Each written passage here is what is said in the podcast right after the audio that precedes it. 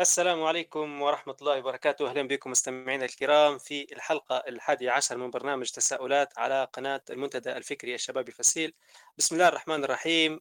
والحمد لله رب العالمين والصلاة والسلام على سيدنا محمد وعلى آله وصحبه أجمعين. اللهم اشرح لي صدري ويسر لي أمري واحلل عقدة من لساني يفقه قولي. اليوم إن شاء الله حلقتنا حتكون عليه موضوع البحث العلمي والجامعات وعلامة يتنافس العالم. طبعا الموضوع هذا كان أحد الاقتراحات اللي في الحلقة الثامنة تقريبا. فتحنا باب نسمع منكم مقترحاتكم فكان من الموضوع هذا موضوع البحث العلمي. وللأمانة صفاء كلمتنا عليه من قبل وأحمد كذلك كلمنا عليه من قبل. فقعدت نأجل فيه لكن اليوم إن شاء الله حنبدوه على بركة الله. الموضوع يمس يعني أعتقد ما فيش طالب جامعي إلا ومرت عليه الكلمة هذه بحث علمي بتدير مشروع بتدير أطروحة كلام زاد نسمعه فيه والعالم يتكلم بحث علمي وتوا مع فترة كورونا هذه والأزمة بدينا نسمعوا البحوث والعلماء ومش عارف شنو يديروا هذاكم شادين الجوانتيات قصدي نبغى نعرف شنو هو البحث العلمي بالذات وهل هو مقصور على الجانب الطبي بس وشنو الواقع في ليبيا؟ يعني هل بأسئلة؟ إحنا أعطينا أربعة بس منهم في في الوصف واليوم حنبدو على بركه الله نقتحموا البحر هو بتاع البحث العلمي والجامعات بشوي بشوي طبعا في البداية نحب نعرف بضيوفي اليوم معانا صفاء الرايس اللي هي طبيبة وخريج جامعة طرابلس وحاليا هي طالبة ماجستير في جامعة شيفيلد تدرس في آه، تخصص أنظمة العلوم العصبية. وأحمد مبروك مهتم بمجال البحث العلمي يعني بصفة عامة البحث العلمي في ليبيا وكل شيء. هو خريج ماجستير في جامعة جامعة في قبرص متخصص في الطب الجزيئي. مرحبا بكم زوز. يلا كل واحد شو بيقول في البداية؟ أهلا وسهلا بك أهلا وسهلا بالجميع. أهلا بكم أهلا بكم. آه، إحنا تو مش حنختصروا الوقت تقول نبدو على بركة الله. نبدو في السؤال الأول بهي. أنا تو كإنسان عادي نسأل شنو هو البحث العلمي؟ وكيشن أحكوا لي عليه يعني شنو معناها كلمة مصطلح بحث علمي. أحمد تفضل. آه. تمام آه، بسم الله الرحمن الرحيم.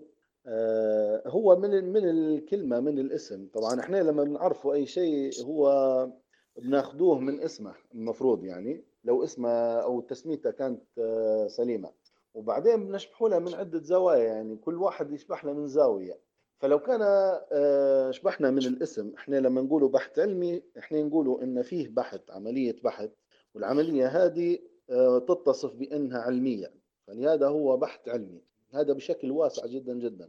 فلما نقولوا بحث إحنا يعني شنو نديروا؟ إحنا ندوروا معناها. نديروا في بحث نبحثوا على حاجة معينة. باهي الحاجة هذه آه، شو ممكن تكون ديما البحث العلمي في الطريقة العلمية يبتدئ من يا إما تكون فيه مشكلة يعني أنت بتبحث على الحل متاعها ماشي؟ يا إما فيه سؤال أنت بتبحث على إجابة يا إما في حاجة موجودة وكويسة ونستعملوا فيها وكذا لكن تبحث على آه، شيء أفضل في استخدامها في تطويرها فأنت دائما تبحث. لكن أنواع البحث اللي أنت تدير فيها يعني تنقسم أو تتعدد يعني. فأنت يا إما بتجاوب زي ما قلنا بتجاوب سؤال أو بتدور على حل أو أو بتفهم حاجة في حاجة مش واضحة تبي تفهمها تبي تفهمها ف أو في مشكلة تبي تحلها فهكذا يعني بالطريقة هذه.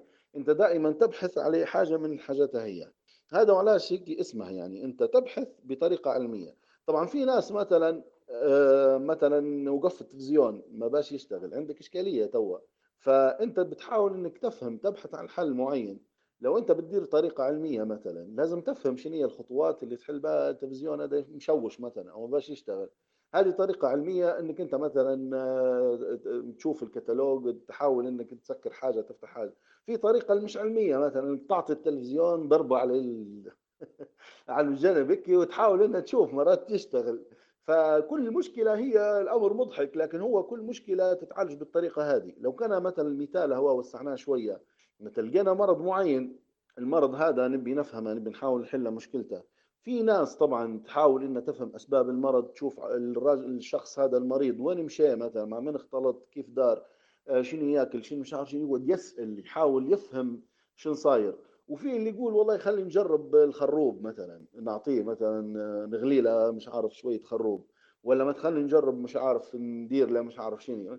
في طرق غير علمية للبحث عن الحل وفي طرق علمية اللي هي أنك أنت تتخذ المنهج العلمي في البحث. فهذا طبعا بشكل واسع جدا يعني هذا نتكلمه بشكل عام جدا. ممكن صفاء تعطي أمثلة ثانية وتزيد آه والله هو كيف ما ذكر أحمد يعني البحث العلمي هو وسيلة يتم فيها استخدام الإبداع اللي هي ال creativity وفي نفس الوقت اللي هو آه، النهج المنتظم اللي هو ال scientific method يا إما لحل مشكلة أو لزيادة المحصلة العلمية أو المعرفية آه، في مجال معين بحيث أن آه، زيادة المعرفة هذه تأثر على حياة الفرد وتأثر على حياة المجتمع. ف... فيعني فتقريبا يعني أحمد تكلم على مفهوم البحث العلمي بشكل موسع. ضروري ما نشدد أن البحث العلمي لا يقصد به مثلا البحث العلمي في المجالات العلمية فقط. يعني ما نقصدش به مثلا المجال الطبي فقط أو مجال الهندسة أو مجال الأحياء أو الكيمياء أو الفيزياء فقط. حتى العلوم الإنسانية أو الاجتماعية يعني ال social science التاريخ الجغرافيا هذه كلها عندها منهجية بحثية معينة.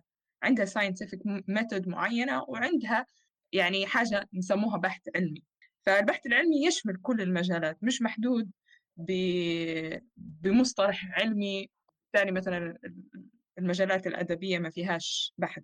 فهذا هو يعني تعليق على مفهوم البحث. جميل جدا. الفت نظري في البداية اللي قال أحمد هي موضوع الثلاثه حاجات يرسم قدامي ثلاثة كرك. مشكلة سؤال شيء موجود ونحاول نطوره. وبعدين صفاء تكلمت على موضوع النهج المنتظم. أنا أعتقد موضوع لو بنركز على قصة النهج المنتظم هذه أنا أشوفها وجهة نظري أن هي القلب بتاع موضوع النهج العلمي البحث العلمي زي ما نقول إحنا. لأن لو ما يكونش في نهج منتظم وعمليه زي ما نقول إحنا ريبيتابيلتي انك انت تقدر تعودها بعدين أو إنك أنت مثلا زي ما قال أحمد مثلا نشوف نتبعه شخص بطريقة معينة باش نوصلوا لنتيجة غير ما أعتقد ما يتسماش بحث علمي. شنو رأيك أحمد؟ هو بالتحديد هو البحث ديما زي ما قلنا يعني أنت تبي تفهم سواء كان الفهم هذا لحل مشكلة ولا لتطوير شيء ولا بتفسر الظاهرة اللي قدامك تبي تفسر شو صاير. فلو كان أنت ما اتخذتش الخطوات العلمية طبعا الخطوات العلمية هذه حتى هي نفسها الناس الأوائل داروا عليها بحث يعني نبي نفهم يعني شنو هي أفضل طريقة ندير بها البحث. يعني حتى البحث العلمي متعل يعني تعرض لي إن إحنا نشوفه أو نسأله شنو هي أفضل طريقة نديرها بها يعني. فوصلنا في في فترة معينة إلى أفضل الطرق أفضل الطرق البحثية. فالطريقة هذه معروفة الآن في في الاكاديميا في العالم كله معروفة إن كيف أنا ننطلق ندير بحث. يعني كيف نربط بين الأشياء شنو هي الأسئلة اللي ممكن آه، نسألها. باش فعلا عملية البحث متاعي لأجل التفسير هي عملية تكون عملية علمية. يعني آه، لو كان مثلا فصلنا أكثر أنا أنا أنا طبعا نتمنى الحلقة تكون ما تكونش أكاديمية ما تكونش محاضرة على البحث العلمي أكثر منها تكون يعني أكيد أكيد. زرع لل... زرع للمفاهيم. يعني مش نبدو نتكلموا على كيف تدير آه، مقترح بحثي وكيف كذا. نبغى نتكلموا عن المفاهيم أكثر يعني. لكن لكن طريقة طريقة البحث العلمي طريقة التجربة طريقة كيف أنا عن طريق التجربة هذه نمشي خطوة خطوة. الطريقة هذه طبعا والحمد لله يعني إحنا المسلمين كان لنا الدور الأكبر فيها. هي الطريقة العلمية ماشي؟ وحتى وزي ما قلت هي طريقة ما لقيناهاش مكتوبة ويعني على يعني على الأحجار مثلا وخديناها اكتشفناها. لا إحنا عانينا يعني في علماء عانوا باش يوصلوا لأفضل طريقة اللي هي الطريقة العلمية المتفاهم عليها في العالم كله الآن. ف... فقبل الطريقة هذه كانوا كانوا يعانوا. يعني كانوا العالم باهي كان يحاولوا يفسروا مثلا العالم هذا شنو هو إحنا اللي إحنا قاعدين فيه هذا الأرض هي شنو هي. فقعدوا يحاولوا إنهم يبوا يفهموا الأمر هذا. في اللي يقول والله الأرض هذه عبارة عن مش عارف آه، سفينة على ظهر فيل واللي يقول مش عارف كل واحد يبدأ يتخيل من على ظهر فكرونا قالوا على ظهر فكرونا بالضبط واللي قال شادينها سبع أنفار واللي بعدين جبت لك لما هو كيف أنت توصلت الفكرة هذه؟ والله هيك أنا أعتقد زي هيك وخلاص. من غير ما إنه هو دخل في عملية من التفكير العلمي. ف... فالناس الأوائل يعني خشوا يعني معترك باش وصلوا لنا بالطريقة العلمية أو scientific method هذه زي ما قالت صفاء. سبحان الله يا أحمد هو فكرني بالآية قل هاتوا برهانكم إن كنتم صادقين. يعني إحنا مطالبين ديما بإثبات البرهان والدليل وال يعني من وين جبت الفكرة؟ ديما رد السند بتاعها التالي وسبحان الله حتى لما يوم في حلقة لما درنا على القرآن آه عملية الجمع بتاعها لو جيت تنظر لها من منظور علمي حتلقاه هو طبقوا آه أسس بحث يعني أسس علمية منهجية علمية في التحري والدقة إن كل آية فعلا هي تكون دقيقة يعني سمعوها عن الرسول وكانت مكتوبة ف فهمتها كيف؟ فبعدين حتى مثلا جمع الأحاديث مثلا الامام البخاري اللي داره يعتبر super qualitative research يعني بحث آه، جمع الأحاديث بطريقة ودقق إنه مثلا لا تكون صحيح يعني أكثر من شخص وفي التواتر. يعني الموضوع زي ما قالت صفاء بكري مش مقتصر فقط على نقول إحنا طب وهندسة لا هو مش من هلبا علوم يعني إيه، هي لما نقول إحنا علمي هي ما هو للأسف الخلط هذا اللي صار خلط حديث ترى. هو البحث العلمي زمان اسمه النظر يعني كان علم النظر يعني إنك أنت بتنظر في الأشياء بتحاول تفسرها. هم يشدوا الحاجة ويحاول انه هو يطلع بأفضل آه، تفسير لها بطريقة علمية يعني بخطوات علمية. اللي بنقولها بنزيدها بنزيد بنزيد على اللي قلت أنت عبد الرحمن أه واحدة من الآيات تقول ولا تقف ما ليس لك به علم. يعني ما تتبعش حاجة أنت ما عندكش بها علم يعني. مش إنك أنت يعني آه، سمعت شيء معين أو مثلا حسيت بإحساس معين تمشي تتبعه وخلاص. وهو هذا اللي داروه العلماء المسلمين فعلا. يعني هم آه، سكروا جانب آه، الهوى. يعني أنا ماذا بيا أنا والله يطلع الحديث هذاك صح. بيا هذاك مش هم ما داروش هيك مش ما ما خلوش النفس النفس يعني تاخذهم للنتائج. حاولوا زي ما انت قلت بالضبط هم حاولوا يمشوا للخطوات. والله أنا عندي خطوات معينة منهج علمي معين. المنهج طبعا واحدة من أساسات المنهج الإسلامي اللي اللي مشوا به في البداية. هو إذا يعني اذا يعني إذا ادعيت الأمر دليل جيب الدليل. آه. وإذا نقلت في الصحه أيوه.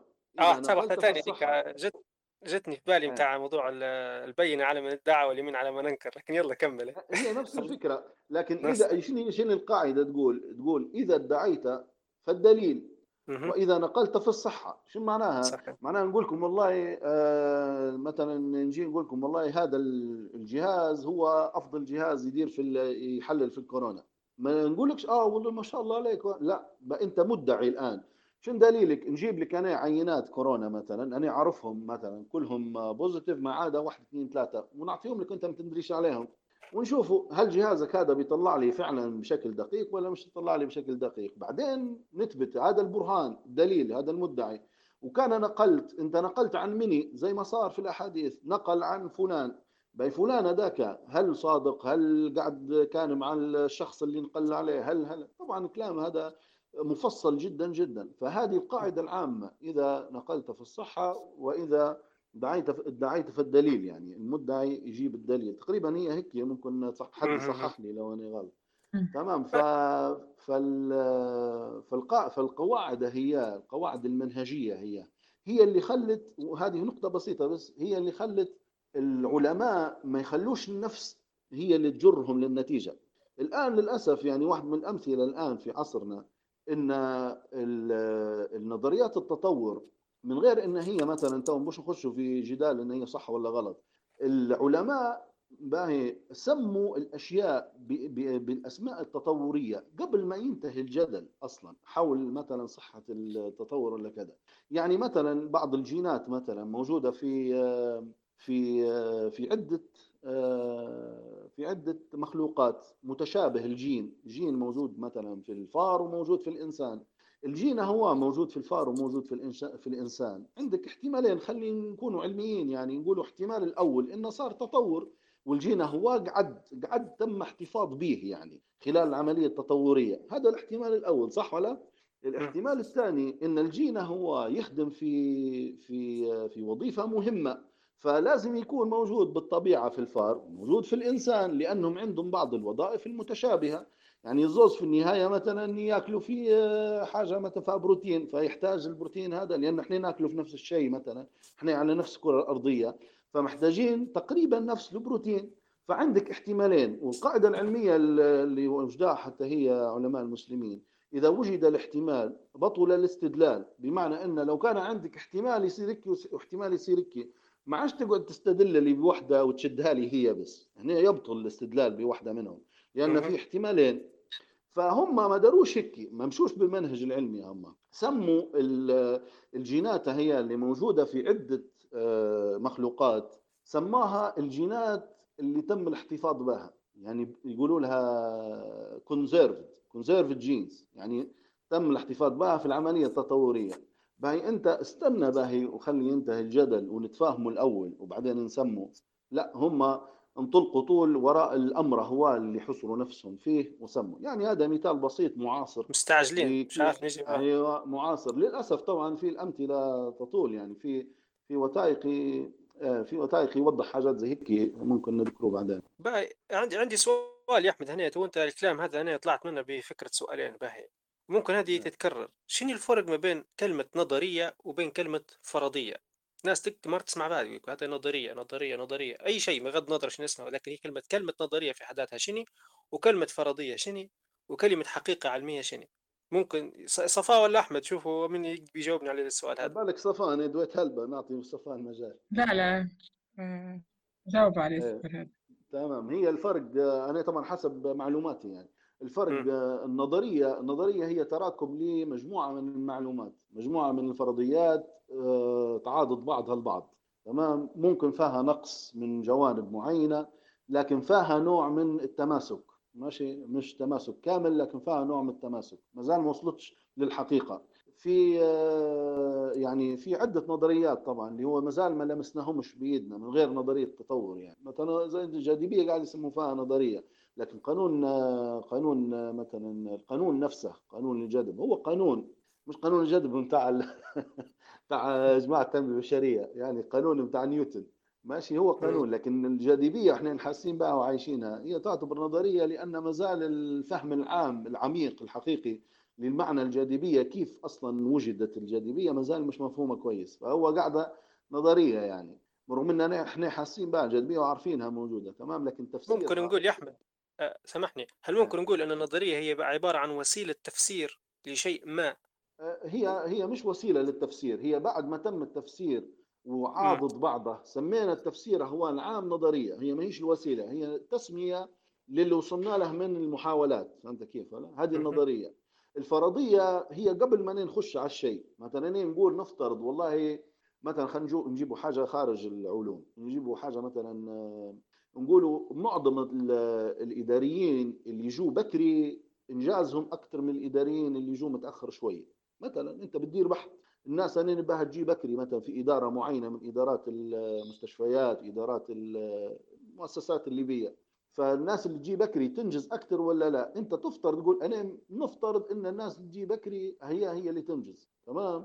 أو مثلا تقول ال- الخطيب اللي في الجامعة مثلا اللي يت- يتكلم بنبرة معينة مثلا أو مثلا الخطيب اللي في الجامعة اللي يسكن في نفس المكان آه، تأثيرها على الناس أو وصول الفكرة للناس أكثر من الخطيب اللي ما يوصلش. أنت هذه فرضيات تفترض وتمشي الفرضية تاخذ لها أدوات البحث العلمي. إنك مثلا تدير في عمليه الإدارة تدير تدير تقييم مثلا. تشوف الناس اللي تجي بكري شنو تقييمها والناس اللي تجي متأخر شنو تقييمها وتأخذ تقييمها هو وتقارنه بعمليات إحصائية وتطلع بالنتيجة. أنت اللي افترضته صار ولا ما صارش؟ هل ال- الفرضية تحققت ولا ما تحققتش؟ هذه الفرضية. نفس الشيء في الجامعة تجي لي خطيب الجامعة تحط استبيان لل- لل- للي موجودين.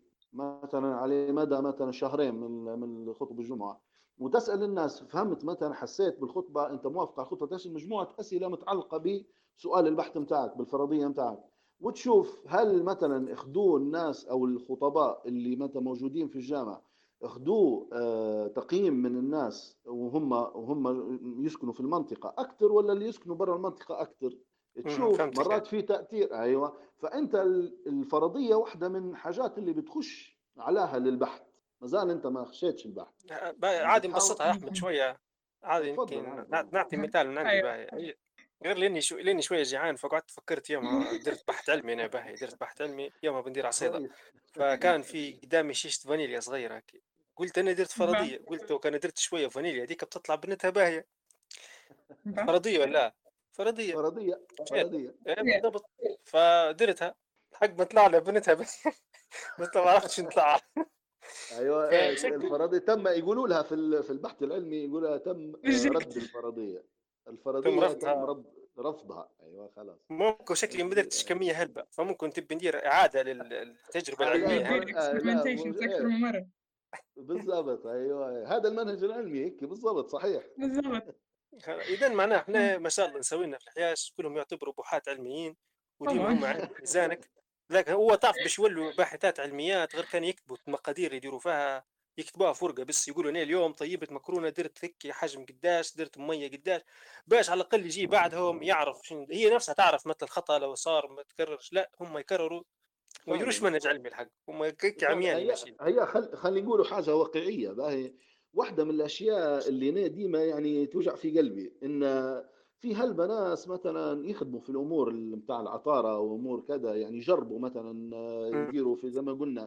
آه، دير لزميطه مش عارف كذا دير لعسل دير كذا للأسف آه، لو هم اتخذوا المنهج العلمي في تجاربهم هي راهو صرنا إحنا عندنا صيدلية علمية من من المواد هي المواد اللي موجودة لأن هم. هيك العالم أصلا ياخذ في النباتات يستخلص فيها ويجرب يجرب على الفيران هم طبعا لكن هيك يديروا. يعني لو تم توثيق الطرق اللي يديروا فيها جماعة العطارة والطب الشعبي بطريقة علمية إحنا كنا فعلا حن حيكون عندنا صيدلية كويسة وأنت واثق إن هي ديرها. يعني في هلبة يطلع لك كل شوية ولا يقول لك الكورونا أنا درت لها بوخ مش عارف شنو. مش هيك اسمها؟ هلبة هذه. حطوا مية وبوخ فيها مش عارف. أيوه قصه الهندي.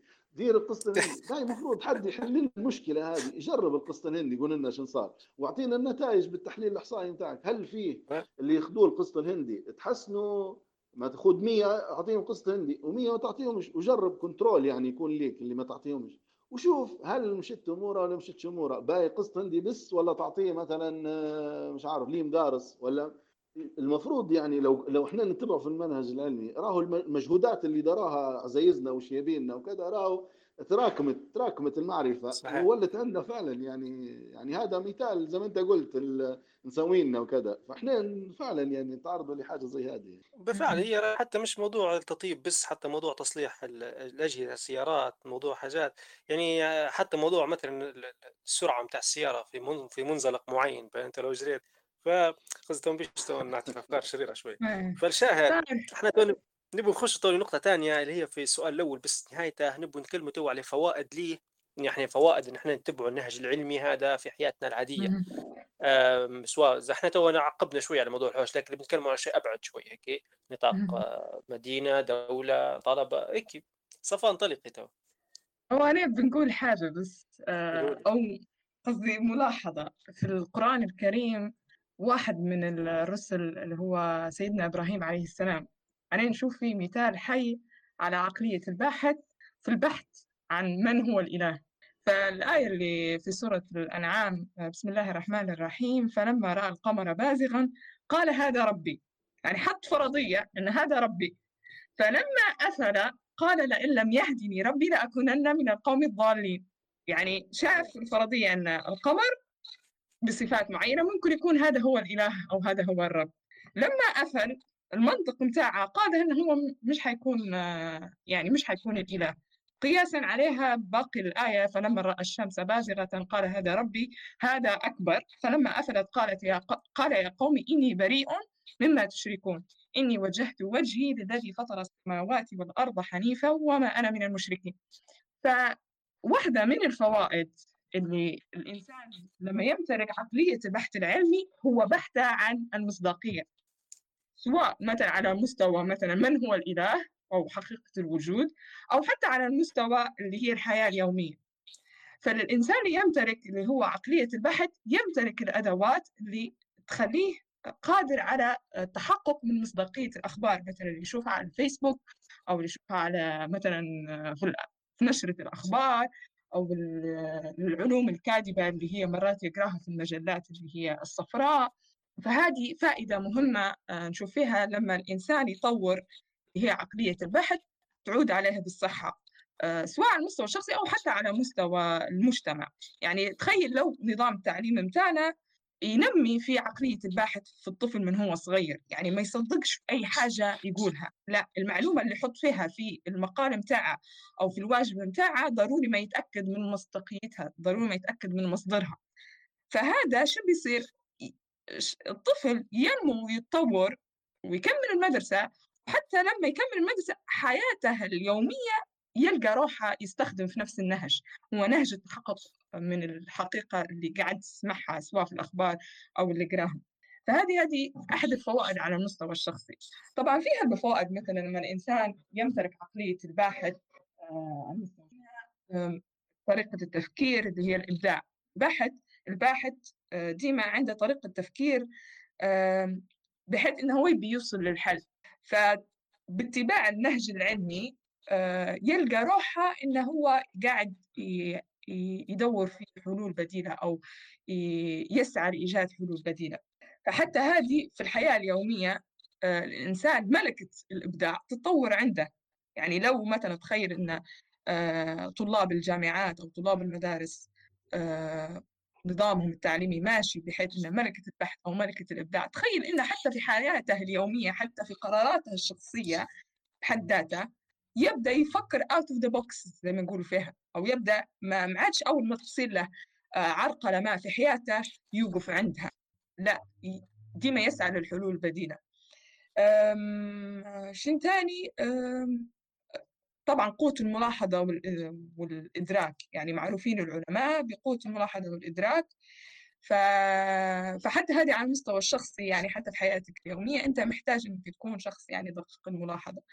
فنقدر نقولوا إنه الإنسان العادي اللي يخش في البحث العلمي ويفهم منهجية البحث العلمي هتعود له هتعود بالفائدة على حياته الشخصية. في نفس الوقت الإنسان اللي هو عنده ملكة البحث حيقدر يدير يوظف المهارات اللي آه تعلمها من من أساليب البحث في حياتها اليومية. فهي علاقة يعني متشابكة. في النهاية نوصل إلى فكره إن فعلا الباحث حياته آه، حتى على المستوى الشخصي يعني تتغير. فعلا فعلا صفاء آه أيوة. كملي. على مستوى طبعا على مستوى الدولة أو على مستوى العالم إحنا مش هنكونوا عايشين حاليا توا في 2021 لو ما كانش في بحوث علمية لو ما كانش في اختراعات.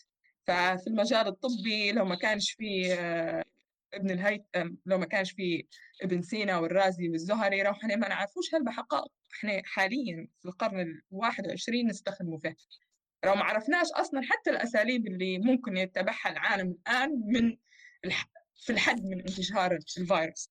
لو ما كانش في بحث علمي راهو ما وصلتش الدول إن هي تحدد السلسلة الجينية أو السلسلة البروتين الموجودة في الفيروس وبالتالي بناء عليها تقدر تدير اختبار ال PCR اللي قاعد يشخص في في الكورونا وفي نفس الوقت قدرت أن تطلع ال vaccine في رقم قياسي. فأهميته يعني ما باختصار نقدر نختصرها لك لولا البحث العلمي الإنسان حاليا مش موجود. يعني هلبا حاجات يعني توا نقدر هلبا حاجات ما مت... يعني حتى التليفون تو نكلموا فيه إحنا تو والانترنت وتقنيه الاتصالات ما... يعني جد نتاج بحث ناس تعبت في الموضوع هذا يا رب يسخرهم في الموضوع هذا وتعبوا واجتهدوا فيه وخذوا بالأسباب لأن الحياة دي كونية. اختلت بها ترجع موجود. أنت موجود تو اللابتوب اللي أنت تستخدم فيه أو الآيفون ولا التلفون اللي أنت قاعد تستخدم فيه ما هو نتيجة بحث علمي. علماء هندسة واتصالات والكترونات ومش عارف شنو هم اللي وصلوا انه داروا حاجة اسمها لابتوب أو داروا حاجة اسمها آه إنترنت أو داروا حاجة اسمها شبكات اتصالات.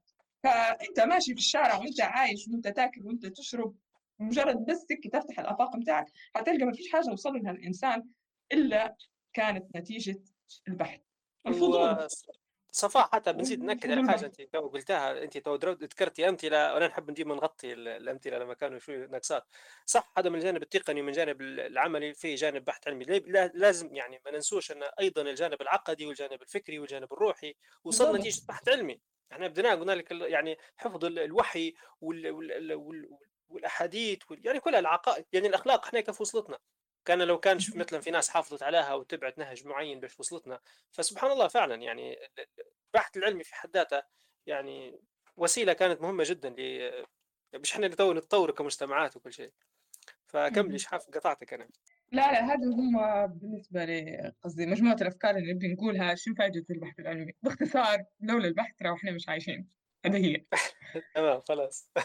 أحمد بيكش بضيف حاجة على المحور الأول باش ننتقلوا طول المحور الثاني. المحور الأول اللي هو ما هو البحث العلمي. آه والفوائد نتاعها يعني كلام عام لأي إنسان عادي باش يفهم شنو البحث العلمي. هو زي ما قالت آه، دكتورة صفاء هي الفكرة إن الإنسان دائما متعرض للتحديات دائما في تحديات أمامه.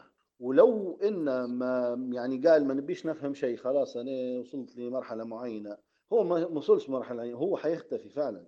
كل مرة الفيروسات حتزيد كل مرة الأمراض حتزيد كل مرة.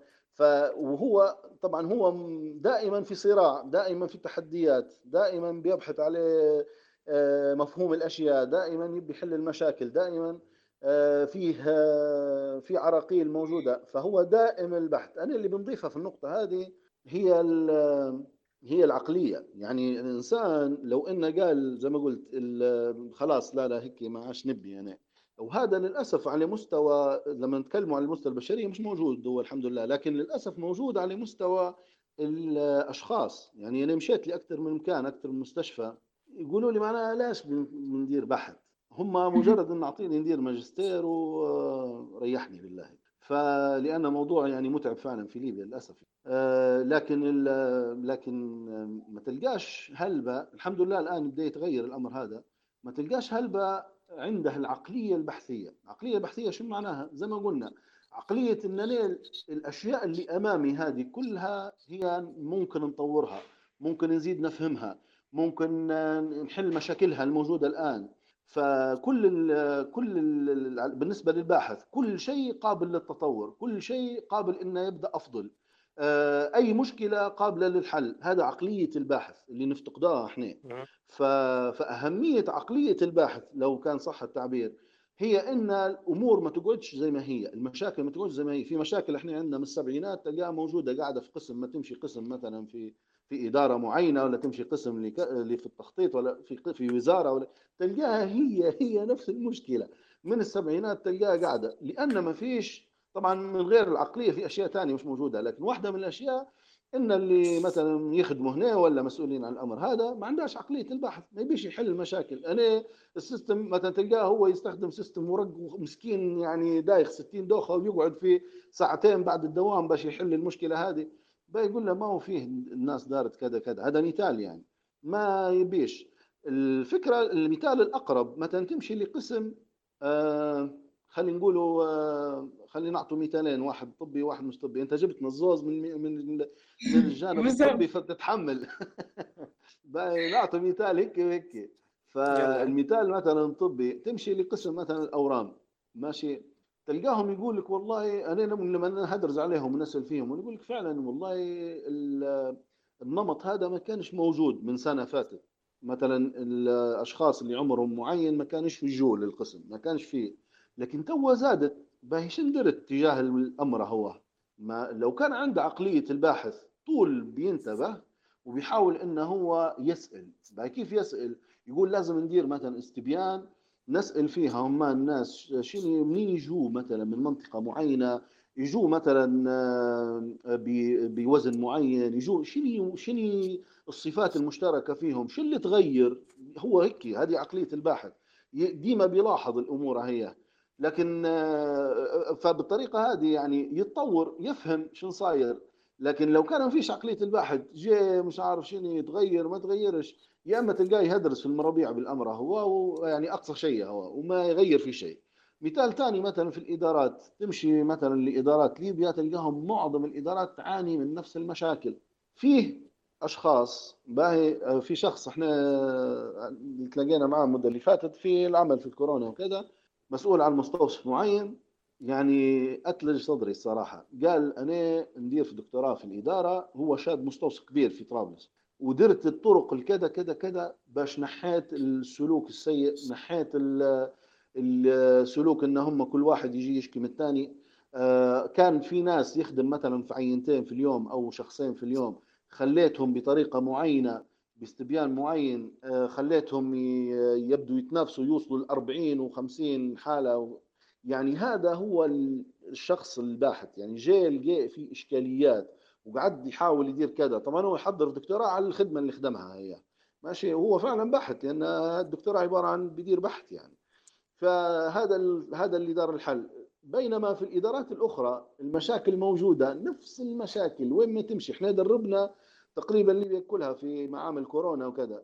نفس المشاكل شفناها. وين ما تمشي نفس المشكلة. باهي ما فيش حد في الإدارة. وأنا كان يعني كان عندي معرفة لو خليت الحلقة هذه كلها على البحث العلمي في الإدارة. بس صح صح. أحمد أحمد هل تسمح لي أنا ضخمة جدا يعني. أنا تو في في ناس يبغوا يشاركوا مش عارف وأنا قاعد يعني خليت قلت بخلي المشاركات بعد ما نتم الساعة الأولى نخلوا نص الساعة الأخير كل المشاركات. فمانيش عارف هل نخترق القانون بتاعي ولا نستمر. لا عادي براحتك براحتك. هو من مرات الناس قلقت مني ولا قلقت من يعني لا لا لا لا مرات هي عندهم مثلا شيء بيقولوه في الموضوع. فنعطوا أخونا ياسين سيد ياسين فتحت المايك أنا مش عارف تسمع فينا ولا لا. تمام ما خلاص ما نكملوا إحنا تو خلينا ندخل. إحنا تو أنت يا أحمد ما شاء الله لك خشيت طول في المحور الثاني من غير ما نقول لك. اللي هو نبغى نعرف إحنا واقع البحث العلمي في ليبيا بالذات يعني شين صاير؟ احكي لنا تو أنت أعتقد عندك دراية يعني يعني شو بنقول لك المبادرات الليبية أو المراكز البحثية الليبية فهمتني كيف؟ فشو تقول لنا يا أحمد على الموضوع هذا؟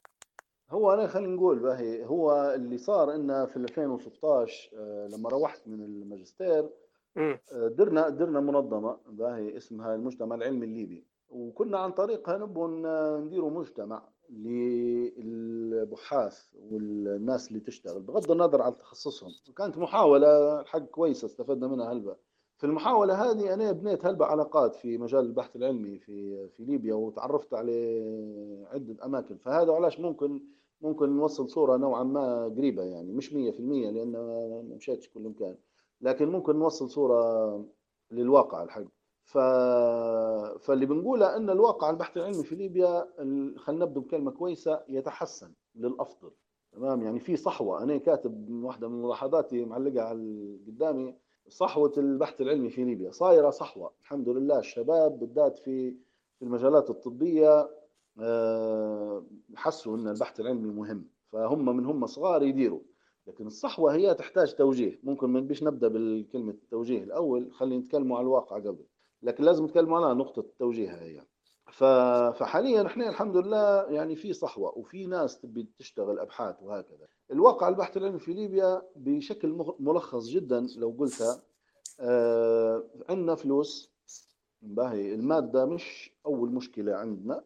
تمام؟ عندنا مراكز بحثية. شن سمي شني أي حاجة مثلا مهمة حتلقى لها مركز بحثي؟ مركز ابحاث الطبية مركز أبحاث النووية مركز أبحاث الصناعية مركز أبحاث اللدائن مركز أبحاث المياه مركز أبحاث التصحر مركز أبحاث آه، المناخ مركز أبحاث الفضاء. عندنا مراكز لكل الواحد.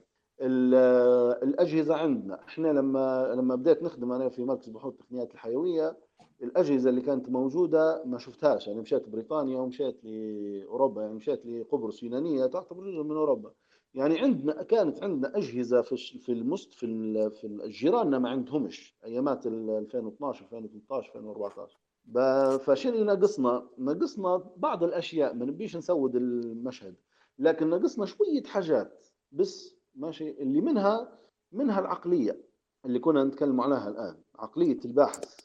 ماشي؟ هذه واحدة من أهم المشاكل. ومنها التعاون التعاون بين البحاث. في تنافس ما نبيش نقول تنافس هو لكن آه، في نفسي نفسي. يعني هذه هذه أكثر ملخص. يعني نفسي نفسي. ماشي؟ للأسف الشديد. آه، وفي المعرفه المعرفه بالبحث العلمي ناقصة. يعني تلقى عقلية عقليته عقلية بحث وعنده رغبة يتعاون ورغبة يخدم لكن آه، المعرفة ما عندهاش ما يعرفش. كيف يدير. ما يعرفش كيف شنو هي الخطوات ما يعرفش يكتب. طبعا هي واحدة من المشاكل لو كانت تطلع برا برا طرابلس آه، حتواجهك مشكلة حتلامس شيء غريب شوية. تلقى إن المستوى العام بدأ ينخفض وينخفض بشكل حاد يعني ما ينخفضش بالتدريج.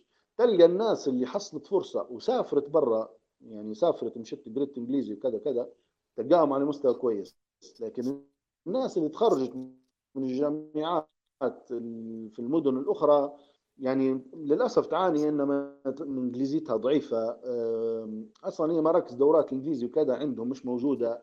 طبعا هذه كلها مهارات مهمة للباحث لأن كل البحث العلمي بالذات البحث العلمي في العلوم وكذا كله مكتوب بإنجليزي. هم يعانوا من الأمر هو. آه، فهذا هذا نحكوا على يعني الأدوات أو المهارات المطلوبة في واقع في الواقع الليبي.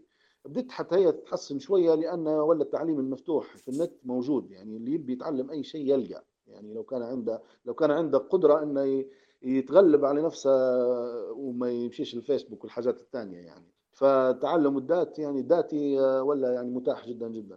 فالواقع البحث العلمي في ليبيا معقول مش إنه منتهي نهائيا معقول جدا. لكن للأسف يعاني من عدة مشاكل والمشاكل هي ما هيش تمويلية فاهم في مشاكل في التمويل ماشي لكن ما هيش المشاكل الرئيسية. ما هيش عدم وجود أجهزة عدم وجود إمكانيات هي عدم وجود العقلية السليمة العقلية الصحيحة. لأن أنت تعاني من مشاكل وأنت تبحث في أشياء ما لهاش علاقة بالمشاكل اللي أنت تعاني منها. فأنت مش آه، حتتطور يا أحمد أنت بالعكس. جميل جدا آه. جميل جدا. أنت وأنت حطيت يعني إيدك على نقولوا آه، أول حاجة اعطتنا دفعة أمل بارك الله فيك. وحطيت إيدك على مجموعة مشاكل وتحديات وأعتقد راهي كلها نوعا ما قابله أنها تنحل بس أنت وحتى صفوان بكري ركزت عليه عقلية الباحث أو عقلية البحث. أعتقد هذه حتكون آه، طبعا زي ما طبيعي حتكون يبدأ من الاسره تبدا بعدين الموضوع من المدرسة بعدين الجامعة. أنا تو مش حنركز على موضوع المدرسة ولا موضوع الأسرة أنا يبي تدريسات ثانيات إحنا تو نتكلم على موضوع الجامعات لأن ضمن عنوان الحلقة. إحنا هل تشوف ان في الجامعات تشجع الطلبة لوجود العقلية هذه ولا ناخذوها حتى بالجامعات؟ Back صفاء بتقول حاجة. آه، أنا عندي بس تعليق آه، على آه، واقع البحث العلمي في ليبيا. أنا نشوف واقع البحث العلمي في ليبيا مربوط بواقع الدولة الليبية وهو غياب الرؤية. ما فيش رؤية نعم. ما فيش استراتيجية لوين البحث العلمي أو لوين الجهود البحثية تقودنا. طبعا غياب الرؤية دي هل بأسباب خلينا ما نبيش نبدأ في ال ال يعني نقص المهارات الإدارية ومش عارف شنو هذه الأشياء هي. نبي زي ما قال أحمد هو غياب العقلية ال mindset للأسف آه، الناس المسؤولين في الدولة يشوفوا في البحث العلمي ترف مش ضرورة. وهلبا ناس يعني حتى أنا لما كنت مثلا نشتغل آه، أو كانت عندي مثلا مبادرات بحثية أو كان كنت أنا نبي نتعلم على البحث العلمي سواء من الزملاء متاعي يشوفوا أنت توا قاعدة قصدي قاعدة أنت تتعلمي في بحث علمي ما ألهي بقرايتك مثلا أو الناس مثلا في أعضاء التدريس ألهي بقرايتك. في واحدين تانيين يجادلوك مثلا يقولوا انت تو قاعدة تبي توعي الناس على أهمية البحث العلمي تخلي تصلح حال البلاد.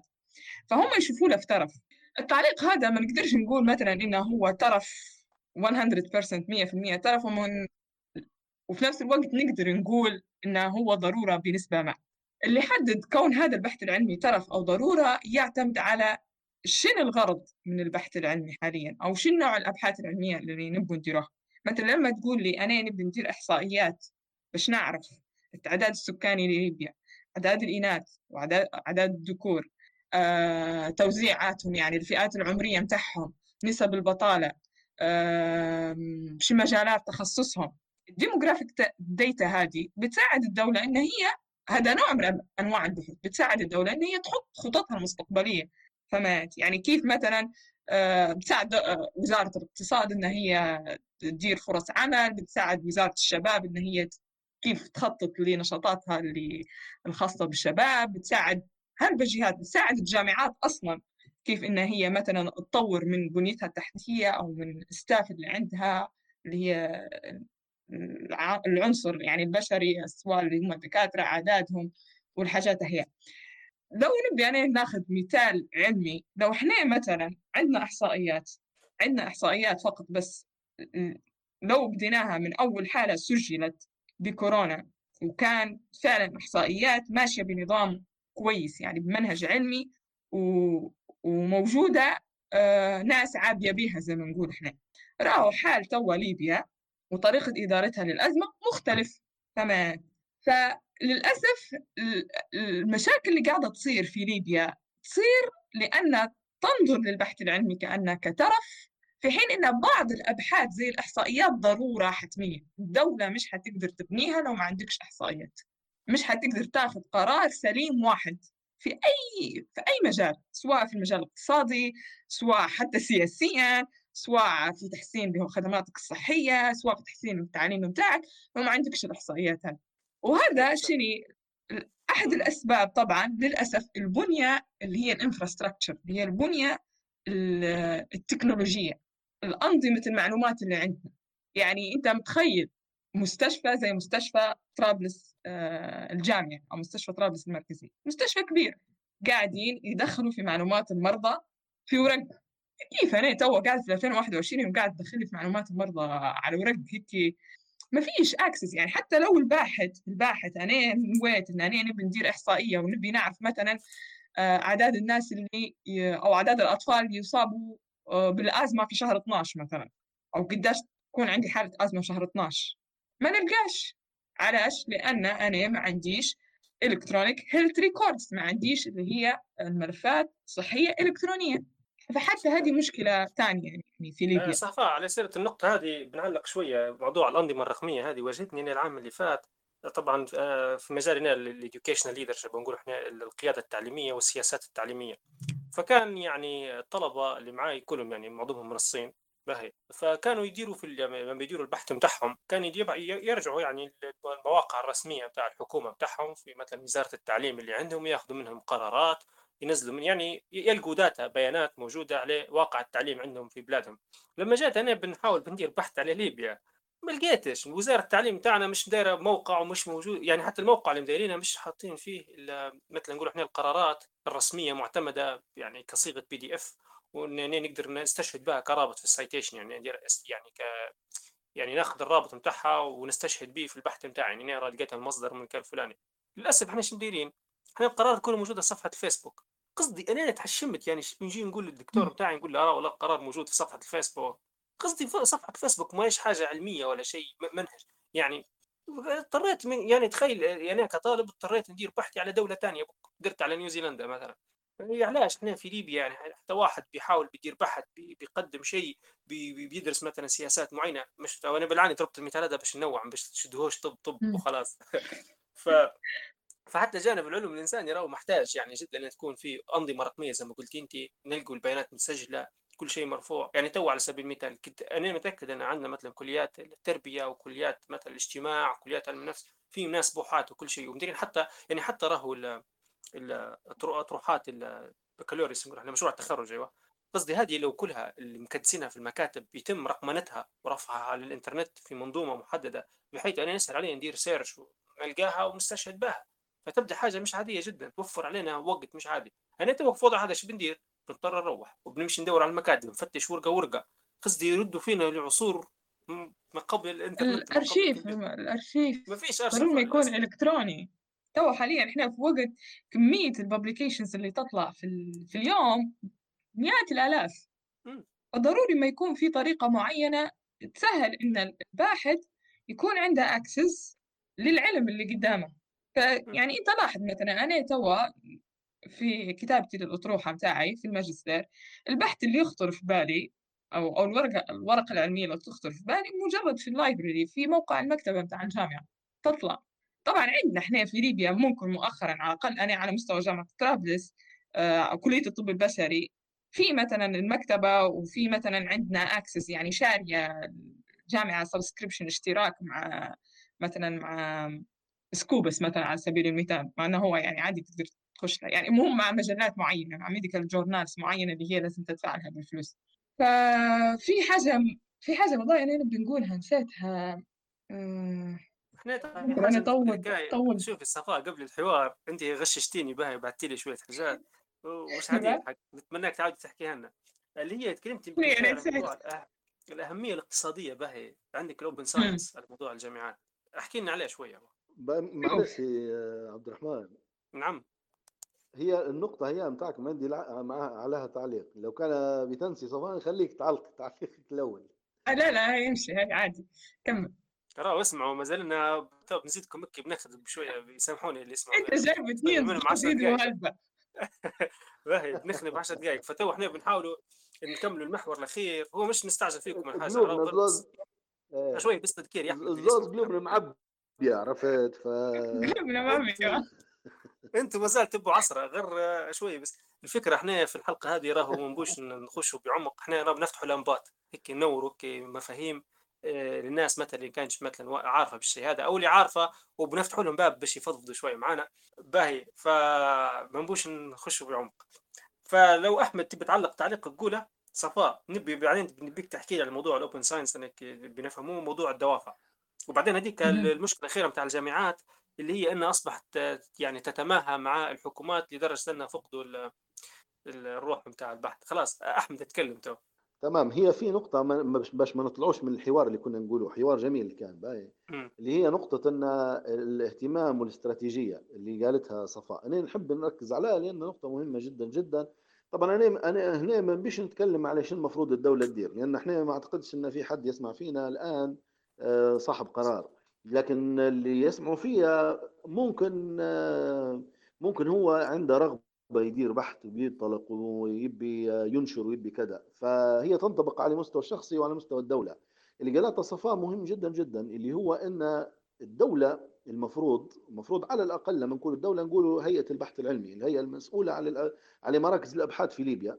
بالإضافة إلى الجامعات ماشي بالتعاون يعني. آه، المفروض عندهم استراتيجية وزي ما قالت صفاء رؤية. يعني شنو هي المشاكل اللي اللي حتواجهني خلال ال 10 15 50 سنة الجاية؟ باش أنا نحطها في أولويات تمويل الأبحاث لأن في تمويل كان ينزل. تو إحنا يعني فترة مشاكل. لكن في تمويل ينزل بالملايين للبحث العلمي للمراكز هي كلها للجامعات. الناس كانت تدير في أبحاث يعني. لكن المشكلة اللي هي على المستوى هذا ان ما فيش مش معروف. إحنا شنو شنو هي أولوياتنا؟ تجي تخش على زي ما انت قلت موقع الهيئة هذا المسؤول عن البحث العلمي ما تلقاش هو شنو ينصحك تشوف. هو محتاجين إحنا شنو نديروا نديروا أبحاث على شنو هي مشاكلنا. يعني قبل المفروض الناس تكتف المشكل البحث هو. نبغى نفهم شنو هي مشاكلنا بعد 50 سنة بعد 20 سنة. شنو هي التحديات اللي حتواجهنا إحنا كمجتمع كليبيا ك كمجموعة من الناس تعيش بقعة معينة من الأرض؟ شنو هي المشاكل اللي حتواجهنا مشاكل مياه مشاكل كذا. تمام وأنا حنضرب مثل. تمام هذا على مستوى الدولة غائبة الاستراتيجية غائبة. على مستوى الشخصي الشباب المندفع اللي يدير في ابحاث وما شاء الله يعني زي ما قلنا توا في صحوة لكن قلنا تحتاج توجيه. الشباب هذا فعلا محتاج توجيه. هم لما ينطلقوا للبحث العلمي ينطلقوا لعناوين آه، فيها نوع من الإبهار. عناوين مثلا آه، نحاول اننا نتميز فيها ما خدمش عليها قبل آه، مش موجود عليها هلبة يعني أبحاث في مش عارف شيني. آه، نبي ندير حاجة معينة. يبوا يسعوا لإن الخدمة متاعهم في حد ذاتها كخدمة تكون مبهرة. لكن العقلية السليمة اللي مفروض إحنا نستقدولها وننشرها خلال الصحوة هذه قبل ما تريح مننا هي عقلية وين أنا مشاكلي؟ مجتمعي شنو محتاج؟ شنو المفروض أنا نحل من مشاكل؟ البحث العلمي راهو أداة لحل المشاكل أداة لتطوير الأدوات اللي قدامي أداة لتحسين الوضع العام. هذا البحث العلمي هي هو عبارة عن أداة وهذا طبعا الكلام يتوسع فيه لكن سامحوني بنتوسع فيه شوية لأنه مهم جدا لأن نخاطب في ناس ممكن تدير أبحاث توا. ما هوش يعني كلام هيك وخلاص. المفروض لما الواحد يجي طبعا أول ما بيبدأ بحث يكتب مقترح بحثي تمام؟ المقترح هو المفروض ينطلق من ابتداء من مشكلة آه، معينة أو محددة ماشي يواجه فيها المجتمع. المشكلة هي يلامس فيها المجتمع. يعني أنت لازم لازم تدير حاجة تلامس الناس. إحنا واحدة من المشاكل على سبيل المثال اللي هي اختلاط المياه الجوفية بمياه الأبار السوداء.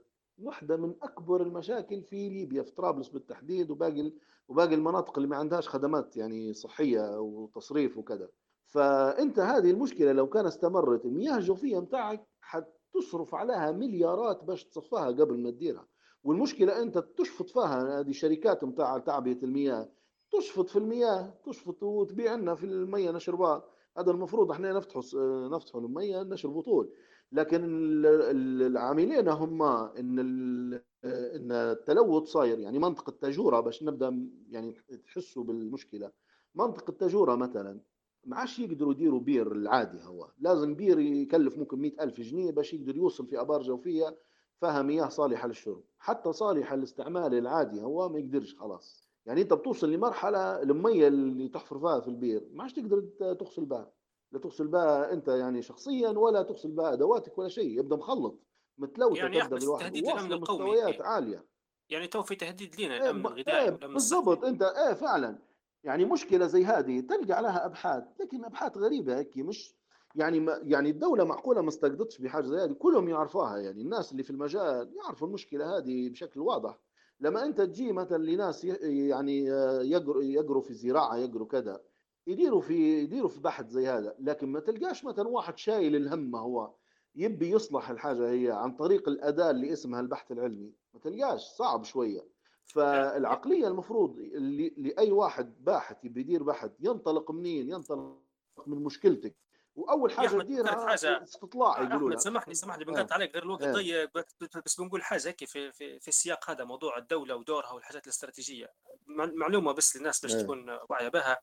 راهي الدولة يعني تو السياسيين وكل شيء لما راهو يحصلوا في مشاكل كبيرة مثلا على مستوى مستوى النفط مثلا على مستوى قطاع النفط حاجات صايرة عندهم تعرف شو يديروا أو حتى على المستوى ده يمشوا لشركات استشارية وبحثية في بريطانيا يبعت يدفعوا لها في يعني يدفعوا لها في أرقام خيالية باش يقدموا لهم حل لمشكلة ما. يعني يجي يقولوا ما أنا عندنا مشكلة في مثلا نفكر في آه، مرة صار في موضوع انه بيتم استخراج النفط انه في تطلع ملوثات تطلع مع النفط غير صحية. فباش يديروا عملية التخلص منها مشوا لشركة يعني استشارية في دولة ما مش عارف فرنسا ولا بريطانيا كذا دفعوا لها أرقام خيالية باش جت هذيك الشركة دارت البحث العلمي هذا خذت عينات وقاست ودرست الموضوع باش بعدين نقدموا لهم الحل مكتوب في ورق A4 تمام؟ هذا المقترح بتاعكم دفعوا عليه يعني أرقام ضخمة.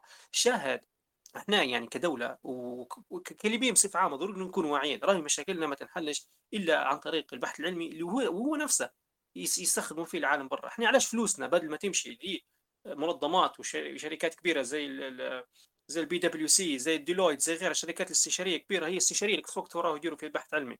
بدل ما نقدموه إحنا لشبابنا الليبيين البحاث الليبيين الجامعات الليبية طبعا لما تكون في زي ما قال صفاء infrastructure كويسة بنية تحتية كويسة في نظام آه، يتقبل الشيء هذا باش نطلعوا من مشاكلنا. موضوع المياه هذا موضوع أساسي. موضوع النفط أصلا بينضب. شوف يعني تو دول الخليج مثلا بدو خلاص في كل دولة مدايرة خطة 20 30 20 40 20 50 ويشتغلوا على الموضوع هذا وكيف إنهم بيديروا شيء بديل عن النفط. يعني الإمارات ترى بانيه مفاعلات نووية. السعودية كذلك تجري على موضوع زي هذا. دول ثانية تو مش باب إنه تو بنذكر لكن بس هذا غير أنت دول دول عربية. هي معلش. إيه. إيه. عبد الرحمن بس هذه غير بس بنوصل النقطة ان إحنا حتى ليبيا مثلا باهي إحنا إيه شنو الحل لو إحنا نضب من النفط. شو بنديروا؟ ما عادش في غاز ما عادش في نفط. كيف كيف بنعيشوا إحنا؟ مزبوط صحيح. هلا فكرنا في سؤال زي هذا؟ هي هذه. امم هي هذه يعني لازم لازم الصحوة هذه الشباب اللي بيبوا يديروا بحث وكذا لازم هذه هذه رسالة مهمة جدا. لازم يحطوا في بالهم مشاكل المجتمع. يعني إيش عندي من مشاكل؟ ما يحطش في باله أنا والله نبي ننشر ورقة نحطها في مش عارف ما ينطلقش من المنطلق هذا. ينطلق من منطلق أنا عندي مشكلة معينة نحلها. هذا الباحث المفيد. الباحث الثاني أغلب الظن لو يبي ينشر أوراق في في مجلات كبيرة ومش عارف شنو أغلب الظن لازم يطلع برا. وبعدين مشاكلك أنت مش حيحلها لك حد. يعني ملاريا مثلا هو مثال معروف. ملاريا مش موجودة في أوروبا وأمريكا وكذا. يعني حاجة ما ما هيش ما ما هيش منتشرة منتشرة في أفريقيا هلبة واحدة من الأسباب أن أفريقيا قاعدة إلى الآن تعاني من ملاريا أن هي ما هيش مرض مرض أوروبي. ما هيش مرض الرجل الأبيض زي ما يقولوا هم. فهم ما اهتموش بها. يعني أنت مشاكلك اللي عندك راهو مش حيحلها لك حد. هم حيحلوا مشاكلهم وعلاش الزهايمر يصرفوا عليه في في مبالغ طائلة معروفة. الزهايمر يعني صرف عليه تبي تبي أي مقترح يقبل ويدفع عليه من أوروبا وأمريكا دير بحث على الزهايمر. معروفة هي قالوها لي برا أنا مش مش في ليبيا. وعلاش؟ لأن هذه من أكبر المشاكل اللي عندهم. لكن إحنا الزهايمر ما تعتبرش مشكلة أولوية. أنت خلاص يعني هذا الزهايمر ديما في 70 80 90 يعني ما هيش مشكلتي الأولوية هي. ف... فاللي بنقولها الرسالة بنقولها الشخص اللي بيدير بحث من الشباب لازم يحط في باله شنو هي المشاكل اللي نقدر نشارك في حلها. والحاجة الثانية إنه ما يقعدش ينقز. واحدة من من مساوئ البحث العلمي في ليبيا يعني سامحوني على التعبير هي يقعد ينقز. يعني اليوم نخدم على ال diabetes يعني مرض السكري. غدوة نخدم على كذا ما دام في فريق يبي يخدم نخدم معاه على مرض ثاني نخدم على الأزمة نخدم على الربو. آه، بعد غدوة نمشي نخدم على بكتيريا قالوا والله مش عارف شيء ما فيش حد دارها في ليبيا خلينا نمشي نديرها. هو شنو يسبب؟ إيه؟ غير آخر كلمة بس يسبب إن الصرف والجهد والفلوس والوقت ما يديروش تراكم معرفي. لكن لما أنت كل باحث ياخذ. مجال محدد يصير تراكم معرفي عندك انت وخبرة وعلاقات وكذا تقدر وقتها فعلا تقدم حلول كويسة. فعلا يصير نوع من التركيز للمعرفة باش تنتج شيء معين. بارك الله فيك يا أحمد صفاء. نبي نعطوا حنعطيك هيك خمسة دقائق هيك الخيرات نبيك تعودي لي نفس اللي كنت تحكيه بكري. نتكلم على موضوع تكلمنا على تكلمنا على المحفز اللي هو وراء البحث العلمي.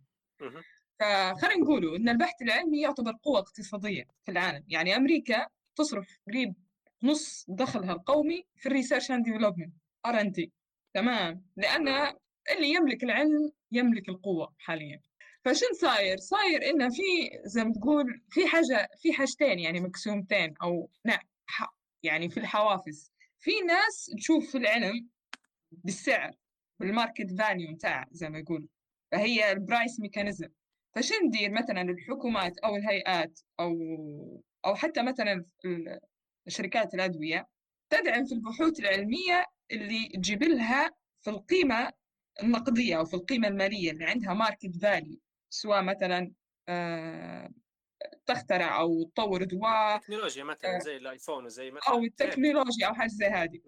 فهذه اللي هو يسموها commercial science تمام؟ وهذا الدافع متاعها الفلوس ال profit حتى سواء هم الناس اللي يملكوا أو حتى للناس اللي يخشوا فيه الأكاديميين اللي يخشوا فيه باعتبار أن هم آه، مثلا معاشاتهم أفضل في في في الصناعه في ال pharmaceutical industry تختلف مثلا أقل معاشاتهم من إنه هو يكون عضو هيئة تدريس في الجامعة.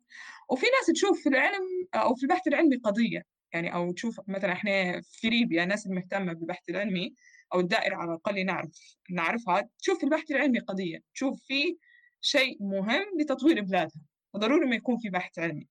فالدافع الناس هذا هو دافع داخلي. يعني زي ما يقولوا طواعيا منهم وليهم يخشوا في البحث العلمي. وهذا ما يبحثوش إلا على أنه هو ترك أثر جميل سواء على دولهم أو سواء العالم بتاعهم واحدة من الحاجات اللي هي دارها المجتمع العلمي بحيث إنه ما يقعدش البحث العلمي كله commercial يعني ما يكونش تجاري حاجة يسموها ال open science أو العلم المفتوح. وهذا ال open science معناها الباحث يشارك في نتائج البحث بتاعه. ما نبيش نتكلم عليه بصورة تفصيلية يعني الشيء المفروض يشارك وشو ما يشاركش. لكن بصفة عامة أنني لما نكمل البحث أو حتى قبل بداية البحث من كتابة ال proposal كيف أنا بندير البحث بتاعي. وحتى نتائج وصولا إلى نتائج البحث ننشرها على المنصات اللي هي ال open science platform فشين يصير؟ يصير التعاون ما بين العلماء لحل المشكلة هذه. وهذه هنا ما يكونش فيها نوعا ما ما يكونش فيها حقوق زي ما نقول يعني مثلا ال commercial science بيكون فيه حقوق تجارية مثلا patent محفوظة للشركة الفلان الفلانية لأن هذا product نزل السوق آه، براءة الاختراع. فال open science هذا فيه نوع من التعامل آه فزي ما قلنا هذا في نوعين من المحفزات. أنا كشخص ما نقدرش نقول مثلا شنو الصح وشنو الغلط. يعني على مستوى العالم اثنين ماشيين. يعني ضروري ما يكون مثلا أنا وتجيني في ليبيا تقولي لي انت تبي تحفزي ال open science ولا ال commercial science أنا نقول لك أنا اثنين بيهم فهمت لأن ال commercial science اللي هو النظرة التجارية للعلم معناها انه ممكن في احتمالية تطلع لي منتجات أو product تحل المشاكل الموجودة في ليبيا فعلا. وهذه إحنا نبوها يعني. فما هذه اللي النقطة اللي هي ال open science وال commercial science في حاجة تكلمت عليها اللي هو حاليا تو الجامعات شنو قاعدة تدير. هذه قناعة شخصية مني أنا. أنا نشوف أن البحث العلمي ما يكونش نتائجه آه، يعني محصورة أو قاعدة هيك بس سواء على أرفف المجلات أو داخل آه، داخل داخل المعمل. ضروري ما يطلع البحث العلمي نتائجه للسوق. فشو قاعدة هي؟ الجامعات قاعدة تحفز في اللي هي ريادة الأعمال وقاعدة تبني في صفة يسموها ال academic entrepreneurs. فقاعدة تقول مثلا ناس بعد ما يديروا masters و PhD ونتائج بحثهم مثلا طلعت ممكن تكون آه، بادرة بمنتج معين يخشوا في عملية تسريع إن الاختراع هذا أو أو أو الشيء اللي اكتشفوه إنه يتحول لمنتج. فهذه الحاجة اللي قاعدة الجامعات قاعدة تضيف فيها حتى في مناهجها الدراسية. فقاعدة مثلا كليات الطب برا قاعدة ما تتكلمش عن medical degree بس. في ناس intercalated degree يعني medical degree مع MBA ولا medical degree مع health entrepreneur فهذا اللي هو صاير في العالم. من ناحية انه كيف قاعدين يعني ينظروا لموضوع البحث العلمي. بارك الله فيك صفاء والله بارك الله فيك. أنت وأحمد اثريتونا جدا اليوم وتو إن شاء الله راح مش حنكتر دو حنبدأ في باب المداخلات. أول حاجة حيتكلم معنا أخونا عبد القادر النجدي بعدين دكتور عبد القادر أبو غرارة إن شاء الله. تو آه، عبد القادر النجدي تفضل. كلمة معك. السلام عليكم. آه، مساء الخير يا شباب. آه موضوع شيق صراحة والشباب أثروه بنقاط مهمة للغاية جدا. لكن آه عندي بعض الإضافات. في نقطة قالها الدكتور أحمد هي خاصة بموضوع أكبر مشكلة في البحث العلمي هي العقلية. أتفق تماما مع الدكتور. العقلية في ليبيا آه مش مش معنى العقلية أن العقلية متخلفة ولكن العقلية غير مدربة. إذا صح التعبير مش مش مش قادرة على أنها هي تواكب عملية البحث العلمي. نحن عندنا جامعات أكبر ثلاث جامعات في أربع أكبر جامعات في ليبيا فيهن فيهن آه، برنامج للماجستير وفيهن برنامج للدكتوراه وقاعدين طلبة يبحثوا ويكتبوا في theses و dissertations وعندهم أبحاث وعندهم نتائج. ولكن هذا كله وين يمشي؟ يمشي كل الارفف ما فيش حد يعدل عليه. هذه وين وين وين يشيلنا؟ يشيلنا النقطة الثانية اللي هي الدعم من الحكومة.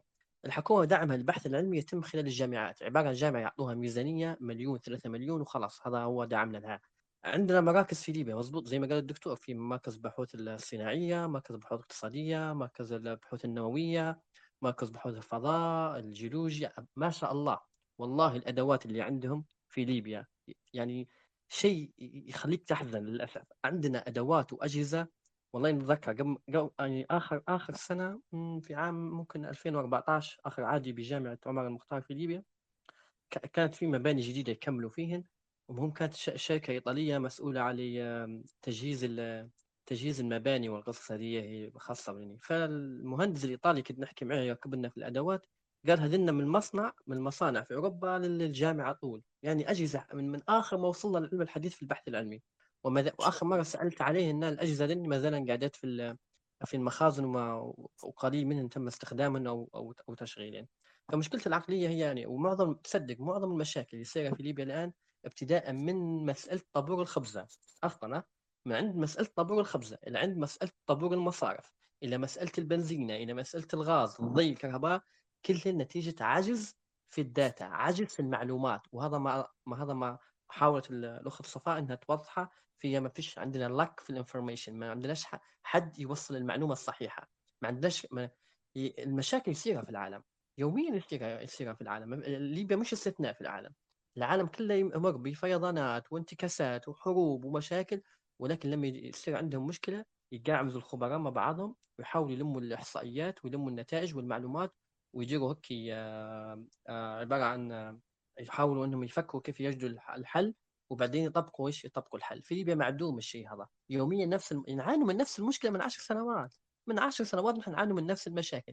هذا يدل نبي دائما نقول فيها نقول عندي في سؤال. أنا بنقول بنعرف مدير المصرف أي مصرف في ليبيا؟ المدير المصرف لما يجي في الصبح هذا في يدير مثلا؟ ما يفكرش يعني ما يفكرش إنه هو يجد حل مثلا لمشكلة الطابور مثلا؟ شنو شنو شنو العقلية اللي يفكر بها؟ شنو كيف يفكروا؟ كيف كيف يشتغلوا كيف يشتغلوا يوميا؟ فقط يقعمزوا في مكاتبهم مثلا وهذا ينطبق على أي إدارة أخرى في ليبيا. ليش؟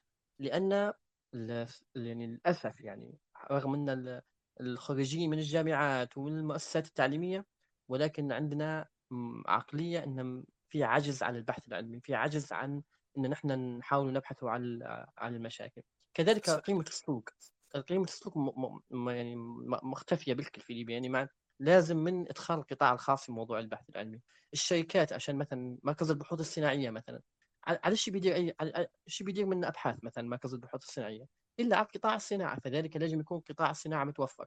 آه، قطاع الإلكترونيات قطاع يعني في ليبيا موجود في مصنع إلكترونيات في في بنغازي في مصنع إلكترونيات في طرابلس في مصنع سيارات في آه، شاحنات في تاجورة في في منظومة النهر الصناعي العظيم.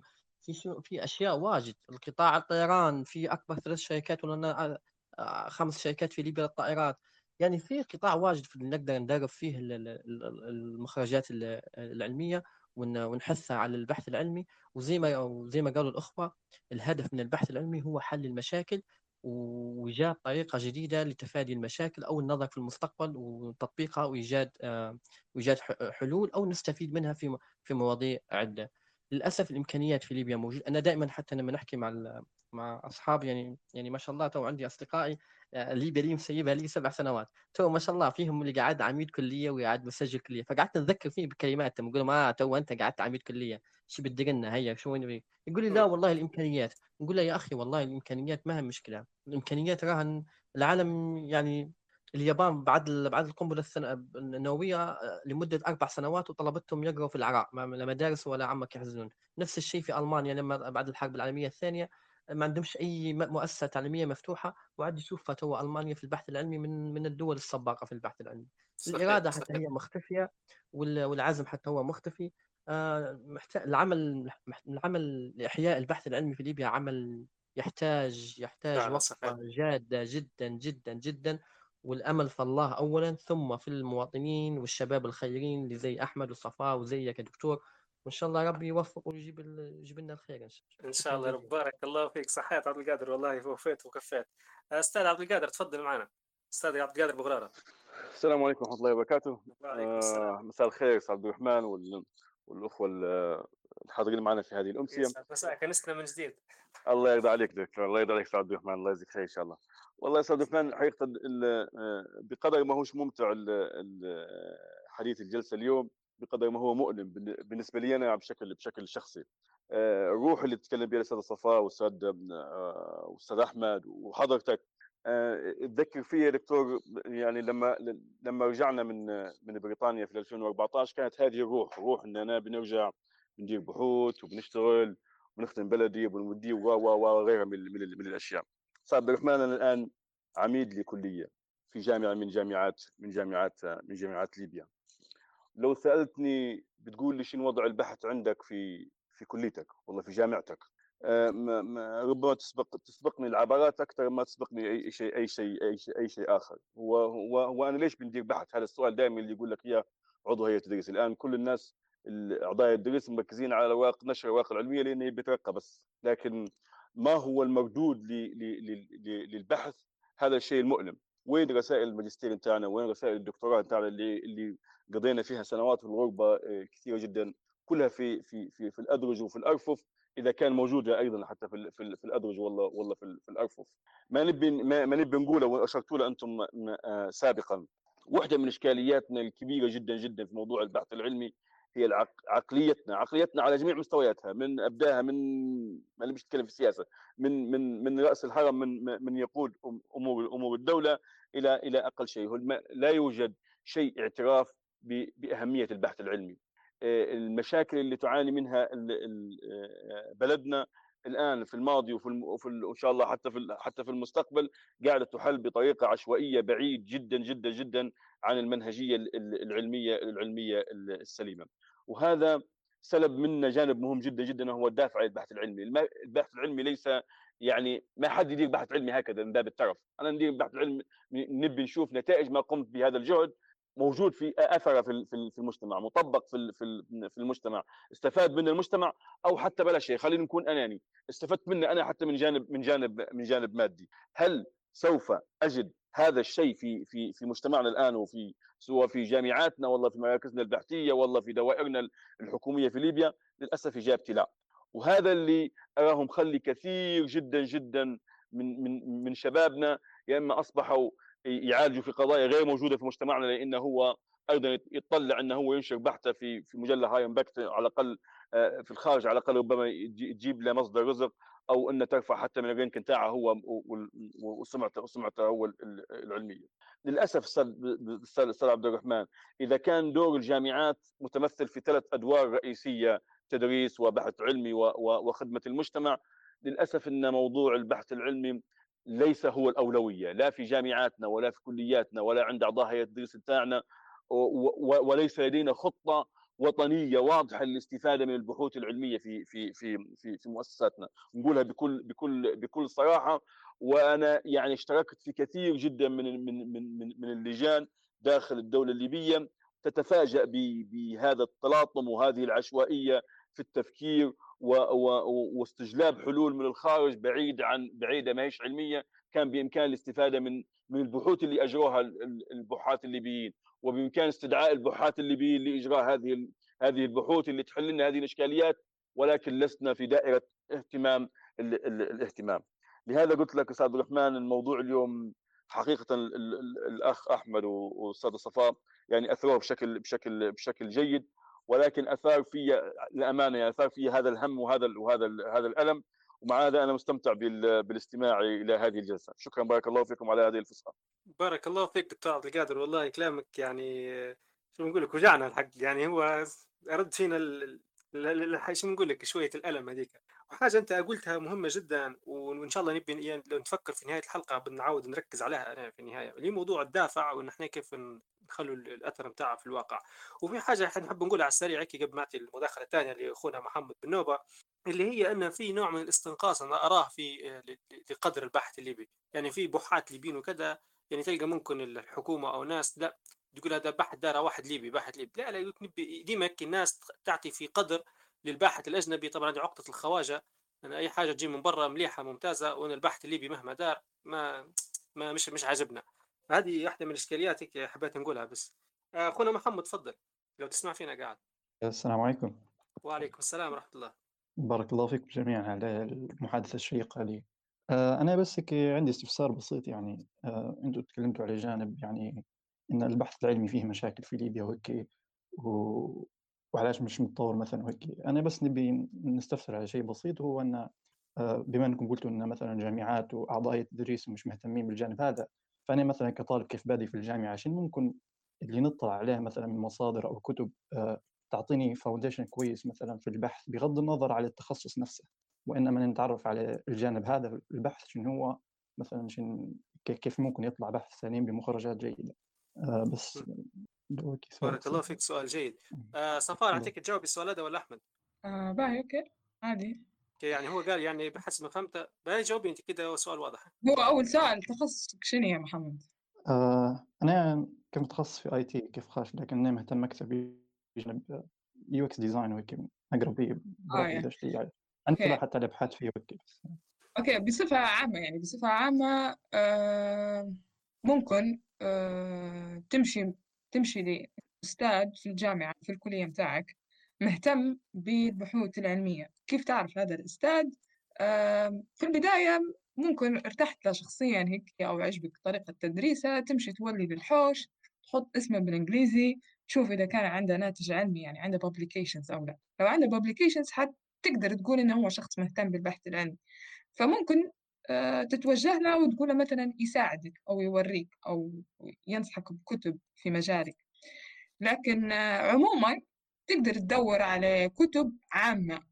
في منهجية البحث العلمي تعرف على الأقل شنو معنى البحث العلمي كيف مثلا تكتب مقترح بحث علمي شنو هي مثلا الأدوات اللي ممكن تستخدمها؟ يعني في البحث هل مثلا تقدر تستخدم جوجل عادي ولا في حاجة اسمها Google Scholar؟ ولا شنو هي الأشياء اللي المواقع اللي تستخدموا فيها أنتم في مجالكم في ال IT؟ بعدها أنا ديما ننصح أو مش ديما ننصح هي أنا خطأ أنا درته أنا استغرقت فترة طويلة في التعلم في ال theory. لكن ماذابيك تمشي لل application يعني تمشي تطبق. وكيف تطبق؟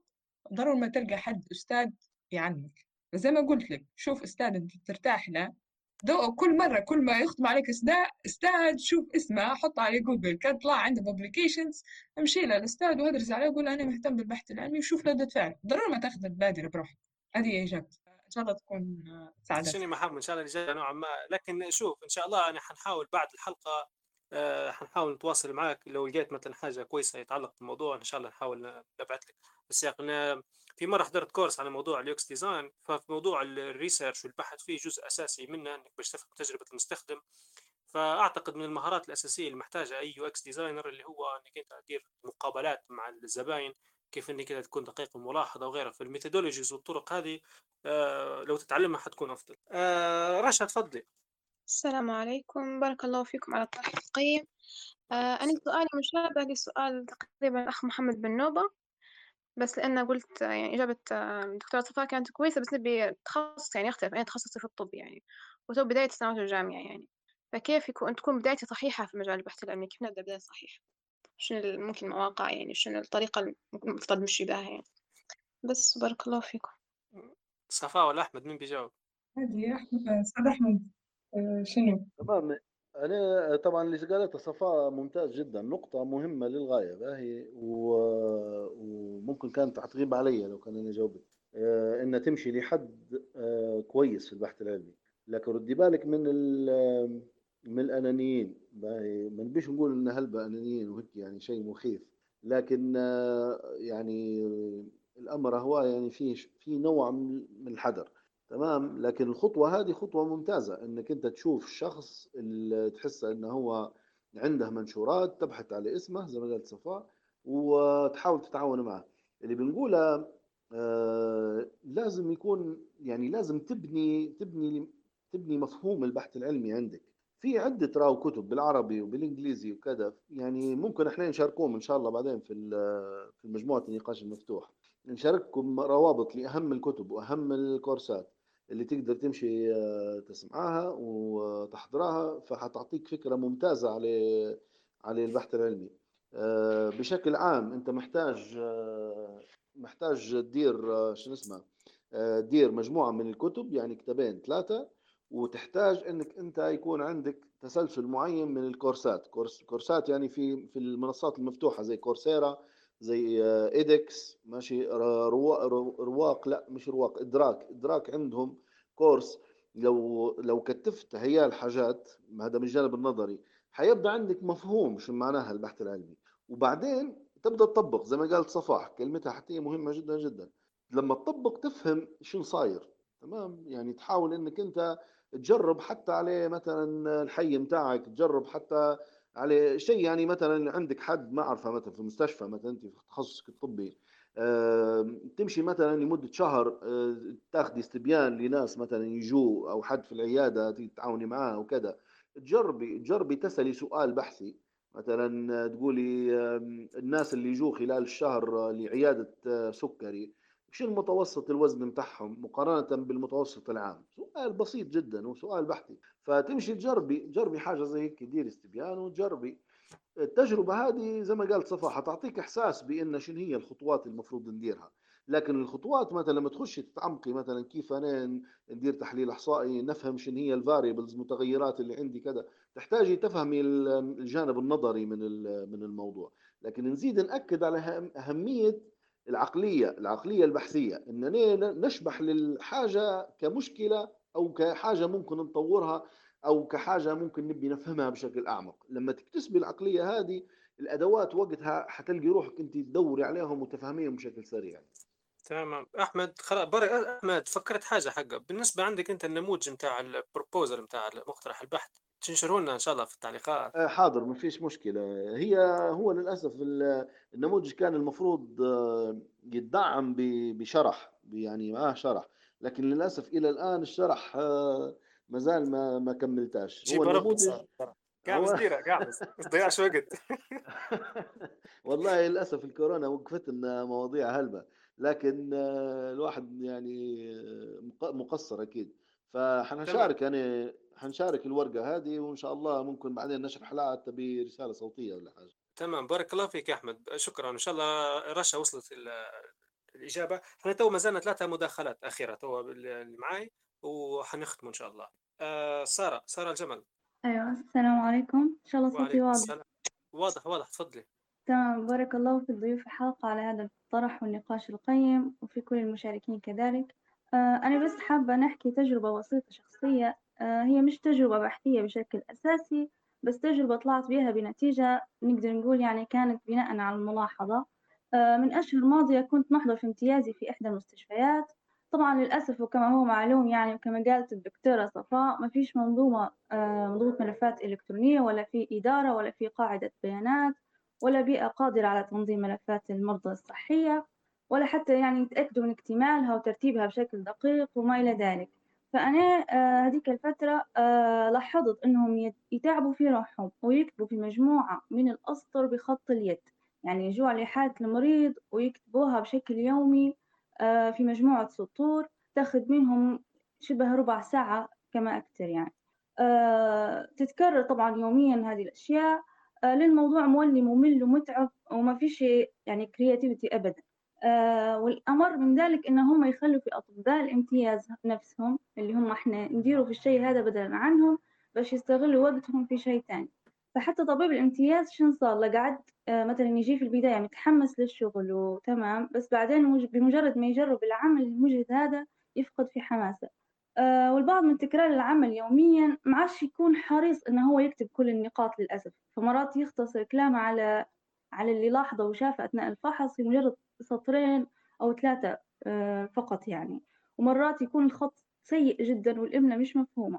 فأنا حبيت في يوم من لما روحت قعدت نفكر في الموضوع هذا يعني وبمحاولة متواضعة مني جهزت تشيك ليست بالخصوص تشيك ليست هذا يختصر أهم النقاط اللي نكتبه فيها يوميا. طبعا طبعته ومشيت ثاني يوم نجرب فيه بنفسي باش نلاحظ شنو قدرت نحقق من فرق يعني قبل ما نعرض عليهم. آه طبعا هو كان بسيط جدا وزال يتطور لفكرة أفضل من هيك وفي وضع أفضل من هيك. بس المهم قعدت نلاحظ ونركز على الفرق يعني من قبل كيف كانوا يكتبوا وبعد تطبيق آه تشيك ليست هو. لقيت إن الوقت المستغرق اللي قطعته آه بعد تطبيق التشيك ليست هذا قص جدا. يعني نعتبره قل بشكل رهيب.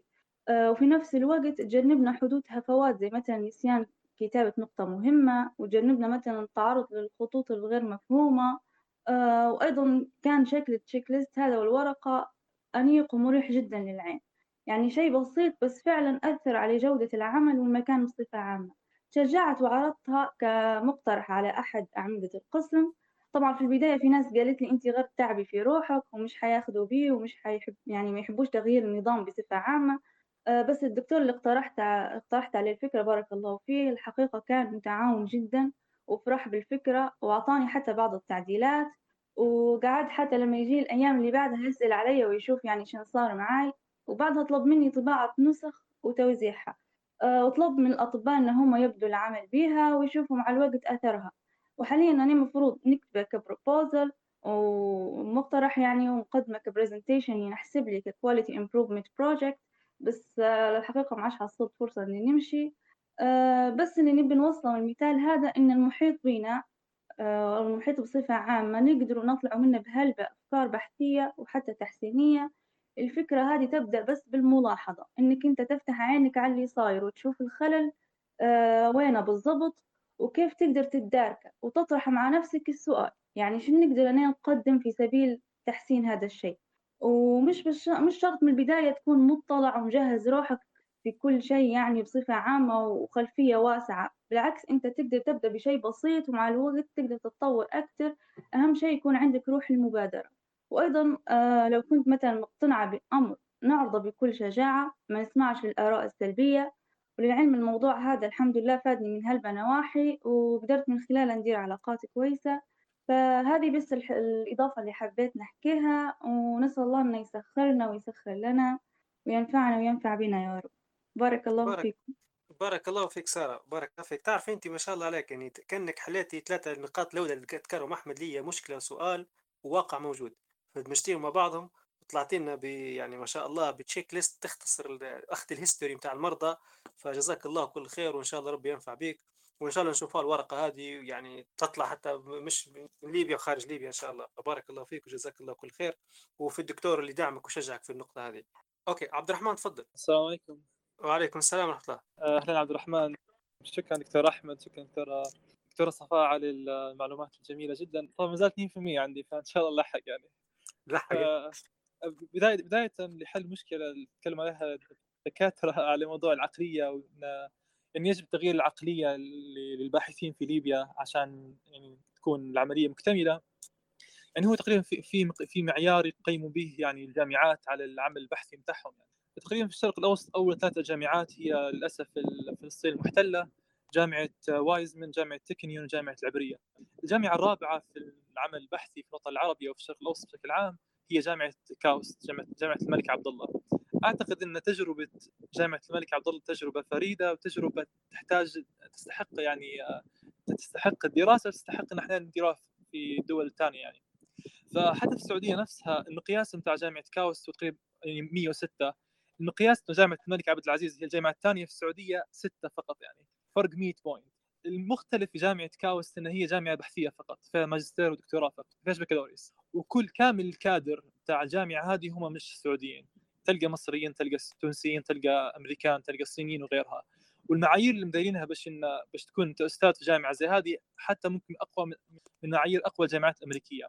فهم اللي يحاولوا يديروا فيه غادي إن هم ينشئوا هذا المجتمع البحثي. إن. إن ممكن زي ما قلنا تو ما فيش ولا دكتور سعودي في الجامعة بس في طلبة سعوديين في طلبة صينيين وطلبه أمريكان وطلبة بريطانيين. فهذا الاختلاط بين العقليات ومحاولة يعني التعلم من يكونوا الدكاتره في في قدرة عالية من في البحث في التدريس وفي وفي العقلية بشكل عام يعني. فأتوقع ممكن الجيل الثاني الجيل الثالث من الجامعة هذه يكون سعوديين يعني. وأصبح العقلية متاعهم مقاربة أو مشابهه لعقلية الأساتذة متاعهم وحتى لو تلاحظ الجامعة البحثية هذه لو, لو تلاحظ الأبحاث اللي يشتغلوا عليها تجد أبحاث عن البحر الأحمر اللي هو في السعودية تجد أبحاث عن نخيل موجود في السعودية. فتحسها تستخدم في قدرات الدكاترة هذم في حل مشاكل داخل السعودية مش مجرد مشاكل خارجية فقط ونفس الوقت يحاولوا ينقلوا الخبرات هذه للجيل الجاي في السعودية وغيرها يعني. ف... فأتمنى أن نشوف حاجة زي في ليبيا يعني. الفلوس موجودة وأتوقع طلبه موجودين. فبالفلوس تقدر تستقطب الكفاءات العالية. حتى مش لازم تكون ليبيين أول 10 سنين اول 20 سنة بس يكون بس يكون انفستمنت لقدام إن العقلية هذه تنقل لمجتمع بحثي المجتمع هذا هو يكمل الطريق يعني. فهذه هذه ممكن واحدة. النقطة الثانية اللي ذكرها الدكتور عبد القادر موضوع إن إن أصبح الهم الوحيد للدكاترة هو مجرد ينشر ورقة بحثية.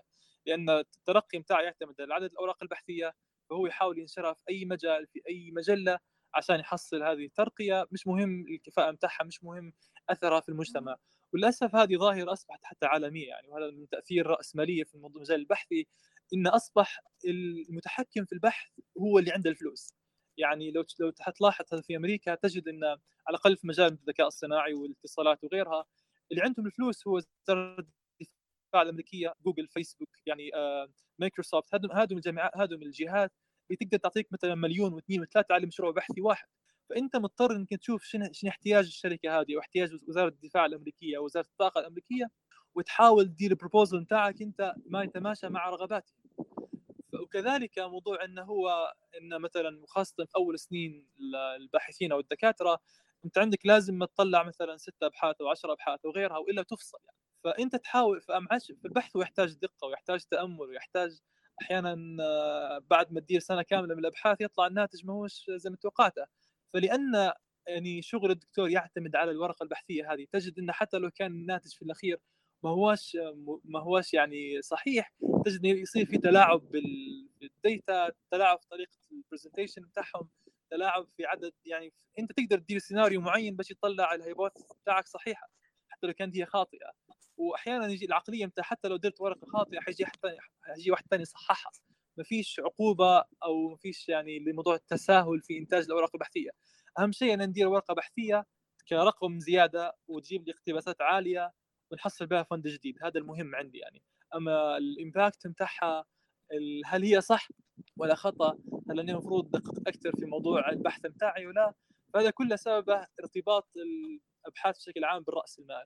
هذه ممكن واحدة من النقاط اللي ذكرها دكتور إياد قنيبي في موضوع التعليم بشكل عام انه كيف يكون في وقف للبحث العلمي.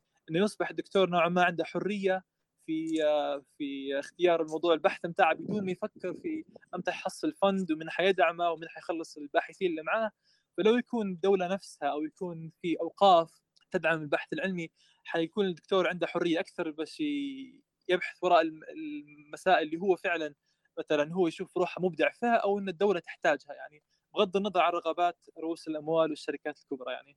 فكيو قريب 1% بس آه الله يبارك فيك بارك الله فيك. أنت ال 1% هذه ما شاء الله عليك استغلت استغلال يعطيك الصحة. آه بس حاجة أخيرة بس بنعقب عليها عبد الرحمن أنت على النقطة الأولى موضوع الجامعات العبرية. الجامعات يعني اللي موجودة في الكيان الصهيوني وغيرها. بكي ملاحظة بس للناس تذكير انه راهو ما ننسوش انه راهو الكيان الصهيوني تأسس بعد يعني وعد بالفور وهم يعني أساس بريطانيين ليهم دور في الموضوع هذا. وبريطانيا في حد ذاتها يعني يعتبروا نقدر نقولوا في العصر الحديث هو يعني برزوا هلبة في موضوع البحث العلمي حتى في طرقهم في الاحتلال للدول وكل شيء كانوا معتمدين بشكل كبير على البحث العلمي.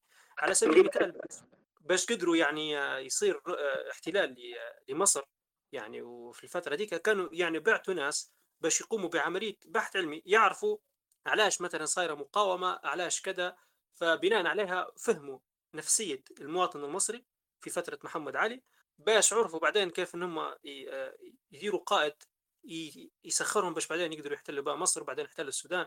فالشاهد إن البحث العلمي سلاح كان مستخدمه الأعداء للسيطرة علينا وسرقة مقدراتنا. وحتى الكيان الصهيوني لما وصلوا في أرض فلسطين راوا استخدموا تق... يعني طوروا تقنيات زراعية تقنيات آه، تحلية مياه البحر. حاليا توا محطة عسقلان أكبر محطة تدير في تحلية مياه بحر. على المستوى تقريبا البحر المتوسط ما على مستوى العالم ولا لا. ف فبس هيك ملاحظة. حبيت نعقب على عبد الرحمن بس إن كلامك والله ما في ما يعني بارك الله فيك. وأثرت نقطة مهمة جدا في موضوع الجامعات وخاصة أن كيف الجامعات تتعامل مع البحاث زي ما نقول زي لعيبة الكورة. يعني يتم استقطاب ألمع الباحثين وكذا وباش يخلوهم في عملية البحث هذه. بارك الله فيك عبد الرحمن صحيت صحيت جدا. آه، مداخلة من هاجر وبعدين أم همام بعدين عبد القادر نلحقه آه، في كل واحد حاول دقيقة دقيقتين قبل ما نسكر إن شاء الله. هاجر لو موجودة تسمع فينا؟ السلام عليكم. وعليكم آه، السلام الموضوع طبعا آه، الموضوع طبعا شيق في جوانب إيجابية وفي جوانب سلبية. حابة بس أنا نحكي على تجربتي اللي كانت عكس سارة وأنا نحضر في مشروع متاعي في قسم الرياضيات في كلية العلوم. آه كان عندي جزئية في المشروع ممكن نستفيد آه من البحث العلمي فيها هي إني نجمع بيانات على قداش عدد الناس اللي خشوا قسم الرياضيات في عشر سنين فاتوا وعدد المتخرجين أو الخريجين من قسم الرياضيات. فهنا بدت شوية المأساة طبعا كان القسم متعاون معي وكان المسجل متعاون معي بس المشكلة في حفظ البيانات. سواء في القسم ولا في المسجل العام تاع الكلية. آه، أول حاجة لما مشيت للقسم باش ناخذ عدد الطلاب اللي يخصوا في القسم قداش عددهم قالوا لي إحنا ما عندناش الأرقام هذه. فكيف تعرفوا قداش خش آه، للقسم حد ما لا إحنا عندنا الأعداد الترقبية بس قداش عندنا توا قداش طالب يقرأ. لكن كل سمستر قداش طلبة جدد اللي خشوا ما عندنا بعد خريجين آه خريجين عندنا في الشيفة هو مستحلي وقعدت يعني ندور فيه بالورقة مشان نلم أعداد الطلبة الخريجين. بعدين نزلت المسجل بعد محاولة واثنين وثلاثة باش وقفوا معاي قصة صلاصيف وقعد يمل عليا وأنا واقفة ونكتب. والمشكلة الثانية إنه هو يمل عليا في آه، أعداد الطلبة اللي خشوا الكلية. تراكمية يعني كل سنة تزيد. يعني أنا لازم ندير نروح حاجة ندير عملية حسابية باش نطلع في السمستر هذاك قداش خص طالب. فالمسألة كانت متعبة. وفي الأخير وصلت لنقطة إن كان في فجوة. ما فيش في حاجة مش مضبوطة. فالبيانات بتاعي مش مضبوطة. ما نقدرش نستخدمها في البحث بتاعي بحيث أنا نعرف أو نقدر نتوقع بمعادلة تفاضلية. قديش ممكن طالب يخش قسم الرياضيات؟ قديش ممكن طالب يتخرج من قسم الرياضيات؟ ف يعني إحنا عندنا مشكلة حقيقية في حتى حفظ البيانات اللي ممكن إحنا نستفيد منها. يعني كل شيء قاعد يدوي كل شيء قاعد بالورقة وبالقلم. ما فيش أي استخدام للتكنولوجيا في في في حفظ البيانات مش الطالب يقدر يستفيد منها. يعني هذه مشكلة واجهتني وللأسف ما قدرتش نستفيد منها. في الأخير باش أنا على الأقل ندير مشروع كويس. فكانت تجربة مش جميلة. بك. وهذه هي المشاركة وهي حزينة شوية لكن حبيت نشارك بس بالعكس هاجر ما هيش تجربة سيئة بالعكس أنت تو اكتشفتي ثغرة وهذه الثغرة في حد ذاتها أنت اكتشفتي معلومة. يعني صح ولا يا أحمد؟ هي هي هي انذكرت هلبة النقطة هذه لكن نبي نفكر آه، جميع إن النقطة هذه نقطة إدارية. يعني هي مشكلة إدارية مشكلة في إدارة البيانات. وإحنا نعانوا منها في كورونا الآن. يعني آه، الناس اللي يجونا مثلا تجي مكتوب الاسم باهي مكتوب اسم الشخص. عنده أعراض ولا ما عندهاش؟ مرات تلقى مكتوب وتلقى مرات ما مش مكتوب. باهي أصيب قبل مطعم مش مطعم. ما هناش بيانات ما فيش. فعلا هي لما تبي تدير بحث مش لغرض البحث إنك أنت تبي تنشر. لما تبي تفهم شو صاير في البلاد زي ما قالت بكري آه، دكتورة صفاء مش حتقدر لأن ما فيش بيانات ما فيش نتيجة أو المدخلات ضعيفة المخرجات ميتة. صحيح. يعني ف... لكن المشكلة في الحقيقة هي مشكلة إدارية مشكلة في إدارات المراكز هذه في إدارات صحيح. الجامعات هذه وغيرها. صحيح صحيح. مشكلة إدارية في حتى أنا تو في تنظيم الوقت ولا لا كارثة. أم همام تفضلي. أيوة السلام عليكم. وعليكم مساء السلام. الخيرات مرحبا. طبعا نسمع الكلام مقطع للأسف يعني. آه شن أخباركم؟ إن شاء الله تكونوا بخير. لله. الموضوع مهم يعني. مم. أنا بشارككم بس آه، دكتور أحمد كيف حالك؟ التقينا في آه، مؤتمر أهلا ال- وسهلا. الأورام مؤتمر س- السرطان إيه أعتقد في التسعتاشر ما عارفش حضرتك إيه. كملت ال research تبعك ولا لا. يعني حن حن حنشارككم بتجربتي okay؟ عن موضوع البحث العلمي حدوتة يعني حزينة زي ما قالت ال- البنت اللي قبلي. آه أنا خلصت ال- ال- ال- الماستر الدبلومة خلصتها من 2010 وكان شغلي زي ما قال الدكتور العميد الكلية قال إحنا يبدأ عندك طموحك أعلى من سقف إمكانياتنا يعني. فكان بحثي كنت حنشتغل على ال breast cancer يعني ال BRCA 1 ولا ال BRCA 2 يعني. لأن ليبيا تقريبا يعني تعتبر من الدول اللي منتشر فيها ال- ال- ال- ال- المرض هذا. لكن بعدين دكتور يعرض علي حاجة اسمها genodermatosis اللي هم diseases خاصة inherited diseases خاصة بالأمراض الجلدية الوراثية. في البداية ما كانش عاجبني لكن أنا بعدين بديت interested في الموضوع. و okay قبلت يعني واحد هم كانوا seven diseases كانوا سبع أمراض. ليبيا نتيجة لزواج الأقارب. طبعا تخصص biomedical science medical جينات يعني كانت رسالتي في طب حيوي لكن في رسالتي كانت في علم الوراثة الطبي. فالدولة كانت مرشحة لمجموعة ال derma مجموعة الجلدية مرشحين سبع أمراض كانت تنتقل آه، عبر زواج الأقارب وكان عندنا يعني يعني تو مثلا disease اللي خدتها extremely rare يعني نادر جدا لقينا نحن common يعني مش حاجة. وزي ما تعرفوا إن الأمراض الأمراض الوراثية يعني صعب إنك تغيرها والتكلفة العلاج متاعها غالية جدا. فليش درت أنا بصراحة متحمسة نبي نشتغل كل الشغل بيدي. يعني شن فايدة انني ندير بحث؟ ندير مثلا ناخذ هول blood ونبعته باش يديروا لي ال result يبعتوها لي من برا. عرضوا علينا الحق يعني. هذا باستير يعني الفرنسيس مهتمين طبعا بدراسة الجينات الليبية. لأن إحنا في ال Mediterranean Sea نعتبرهم متقاربين معهم يعني. فالعالم اللي في الحوض البحر الأبيض المتوسط على خلينا نقولوا فرنسا بالذات مركزة حتى على إحنا الدراسة يعني ال- ال- الأمراض الوراثية ال- ال- الموجودة في منطقة ليبيا يعني بصفة عامة. فبديت الشغل متاعي. بعدين نبي طبعا ال- ال- الدولة كانت مخصصة ميزانية كانت في 2010 عاطية للبحث هذا ككل يعني ال genodermatosis حوالي سبع أمراض كانت مخصصة ميزانية في 2010 هذا آه اللي صار اللي صار آه إني كنت مستعجلة يعني اشتغلت يعني شفت العائلات ومشيت جمعت ال database نتاعهم وخديت حتى samples يعني blood samples كلها جمعتها أموري جاهزة نبي نشتغل في المعمل. فكان دكتور يقول لا تريثوا راجي نين نين نحصل لكم الفلوس بحيث إن حركتكم تكون أسهل وكلها بما إنها هي متكفلة به الدولة. طبعا انتظارنا هذا أخر الموضوع لحد الآن. آه لما جيت ل 2011 يعني طبعا اشتغلت على ال mass graves اشتغلت مع المقابر الجماعية وقفت بحثي شوية آه إلى أن يعني زي ما تقولي تجهز معمل. حاولت أنا مشيت للطويشة آه شفتها. مشيت لل ال- مكافحة الأمراض ال- كان وقت سالم توتنا في الدكتور بدر الدين النجار هذا.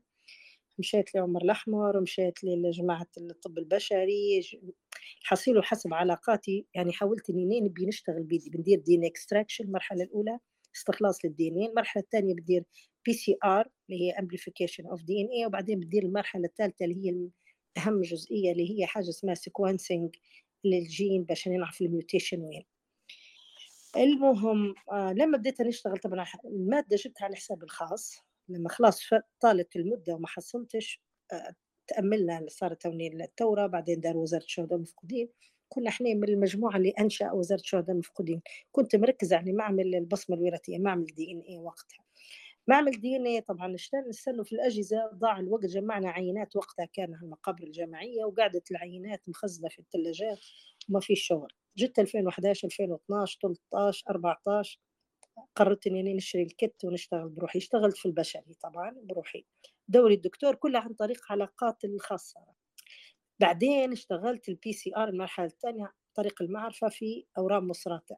المرحلة الأخيرة اللي هي ندير sequencing للجين باش نعرف ان ال mutation وين ما فيش. يعني كانت الأجهزة هوني ممكن تو الدكتور أحمد عنده خلفية sequencer يا اما تلقاها عنده مشكلة يبي صيانة يرجعوا في الهنود اثنين يجوا يصينوه لهم يعني الأمان يعني الدكتور عبد الله بشين كان متعاون معي وهيك لكن كل هالأجهزة تحت يا إما الصيانه يا إما مشاكل يا إما ال reagent مش موجود يا إما يا إما. ف في 2019 خديت ال ال خديت ال samples نتاعي ومشيت لتونس فتوقعت إن توانسه نبي نشتغل نخش نبي نشوف التكنيك كيف يتم. يعني هذه الجزئية اللي تمني كان كان بإمكاني نبعثها لفرنسا وتجيني ال result ونناقش رسالته وينتهي الموضوع. التوانسه رحبوا بي ياخذوا ال samples بتاعي ويشتغلوا عليها. طبعا ما خشيتش للمعمل قالوا لي حنا بعثوا لك ال result. بعثوا لي الريزلت هو قاعدة أنا كيف بديت نقرأ فيهم وكيف يعني حزت في نفسي إن إحنا طبعا الإمكانيات إحنا افضل من التوانسه بهالبال نقول لك ممكن دكتور تو أحمد يقول لك إحنا تو مثلا الجينيتك انالايزر اللي هو خمسة آلاف تقريبا شنو ألف خمسمية يعني هو عنده رمز يعني هم ما عندهمش الأجهزة هي التقنية نعم. الحديثة 3500 بالضبط إيه. آه الأجهزة هم ما عندهمش إمكانياتهم بسيطة حتى باستور لو تمشي تشوفوه بسيط جدا متواضع حتى في مالطا مت... أنا مشيت حتى لدبي شفته ورحبوا بينا تصور هم يشتغلوا على ال karyotyping ويشتغلوا على ال DNA يشتغلوا على الصقور ولا الخيل راهو فرحبوا بينا كنت حنمشي نشتغل في 2014 و... لكن ننصحني دكتور اللي شاد الطب الشرعي في وقتها في دبي قال لي تبي تقري DNA بري عليك وعليه المنطقة الغربية يعني هولندا ولا؟ المهم الخلاصة في الحدوتة هذه كلها متاعي تجربتي إني اني ماني ما كنتش نبي ناخذ رسالة ما أي واحد يقدر ياخذ رسالة يبعثوها لازم قلت لكم تجمعوا عينات وتشتغلوها يجيبوها لك حتى statistical analysis تلقاها موجودة database يعطوها لك وأروع ما يكون تباع حتى مكتوبة تجيك مكتوبة. باني شنو استفدت. أنا already نشتغل في DNA lab التابعه الداخلية واشتغلت نبي نشتغل على الأقل على يعني زي ما تقول ال CSI على الأقل عملية التعرف يعني التكنيك. إحنا نبي نتعلموا على التكنيك يعني الأجهزة موجودة و reagent مش غالية راه نقدر نجيبوها يعني دولة غنية يعني مو بإمكانها في أي صفقات. يعني لو بس نركزوا على الجزئية هذه. فقصدي يعني رؤيتنا يعني كتقول لي قبل ما ندير ال research وبعدها قبل كانت طموحاتنا تحلق في السماء بعدين أنا محبطة يعني جدا جدا جدا يعني حتى الدكاترة يحاولوا يديروا شيء لكن ما ينفعش هي البحث العلمي صحيح. هذا حلقة متكاملة حلقة صح. متكاملة ما بين الباحث والدولة أو الجهة المعنية بالبحث العلمي الطويشة كان مركز ما شاء الله تم تفكيكه توزيعه عليه الكليات في الجامعة ممكن الدكتور أحمد يحكي لكم يعني مأساة يعني فما نعرفش يعني تمنيت أني حتى دبي حاولت نلتقي بها يعني التقينا برؤساء قصدي معامل آه، يهتم بها زي ما يهتموا في الجانب زي ما أنت قلت النفط بكري لأن عصب الحياة الأبحاث عصب الحياة اللي الليبيين عصب الحياة حياة الليبيين مشاكلنا معناها كلها أنت مش حتقدر تحلها من غير ما تهتم بالبحث صح. العلمي صحيح. لأن البحث حيهتم لك بالمشاكل الموجودة مجرد تدير لها يعني تحت الميكروسكوب وتحللها وتلقى من الطلبة ياخذوا الماستر ولا ال PhD بتاعهم. وفي نفس الوقت أنت تكون عندك مرجعية. إحنا المشكلة الثانية الكبيرة كنقولها لكم إحنا ال database ما عندناش. ما عندناش ما تقعدش حتى مثل أسبوع أسبوعين أو شهر وتختفي. يعني في استخفاف بكل شيء. ف... فقلت لكم يعني في جزئية ثانية اللي ركزت عليها. وقعدت إني حتى تو يعني نبي نشتغل ام عمام راهو لو سمحتي بس نزلنا راهو أربع دقائق نحاولوا أعطينا النقطة الأخيرة بس. النقطة الأخيرة هي حاجة اسمها troubleshooting يعني لما نبي نشتغل حتى نبي نتدرب لما تصير لي آه، مشكلة الجهاز مشتغلش ولا العينات أو البيانات هذه فيها خطأ هذه مش حيعطيها لك لا الجهاز لا المستشار من برا لا شيء.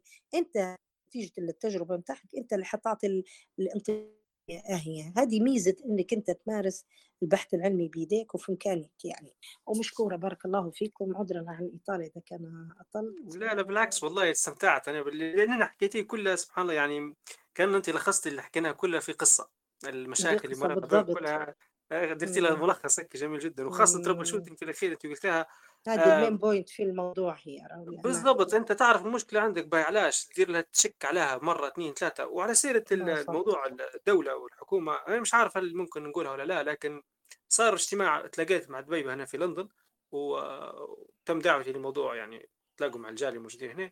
فحكيت له النقطة هذه. أول حاجة قلت له قلت له راهو إحنا ليبيا اعتبرها زي القارب زي الفلوكة الكبيرة فيها ربان يسوق فيها. هذا القائد اللي بيقول إحنا بي- بيشد الدفه وفي واحدين ثانيين صيادين سمك يشدوا في الحوت وهمهم غير يجمعوا أكبر عدد من الحوت. قلت له في. واحدين تانيين معانا حيكونوا موجودين في السفينة هذه مش همهم لا سلطة ولا همهم جمع الفلوس. همهم بس إنه ياخذوا هالسفينة هذه تمر لبر الأمان. وتتفادى الرشادات اللي موجودة في تحت البحر اللي ممكن تكسر السفينة زي التايتانيك ولا غيرها. وباش إحنا نبدو في بر الأمان. قلت للناس هذا هم المسؤولين عن ال navigation الملاحة. اللي هم إحنا كمثال إسقاطي اللي هو بيوريك وين الطريق الصح من الطريق الغلط وكيف تتفادى المشاكل.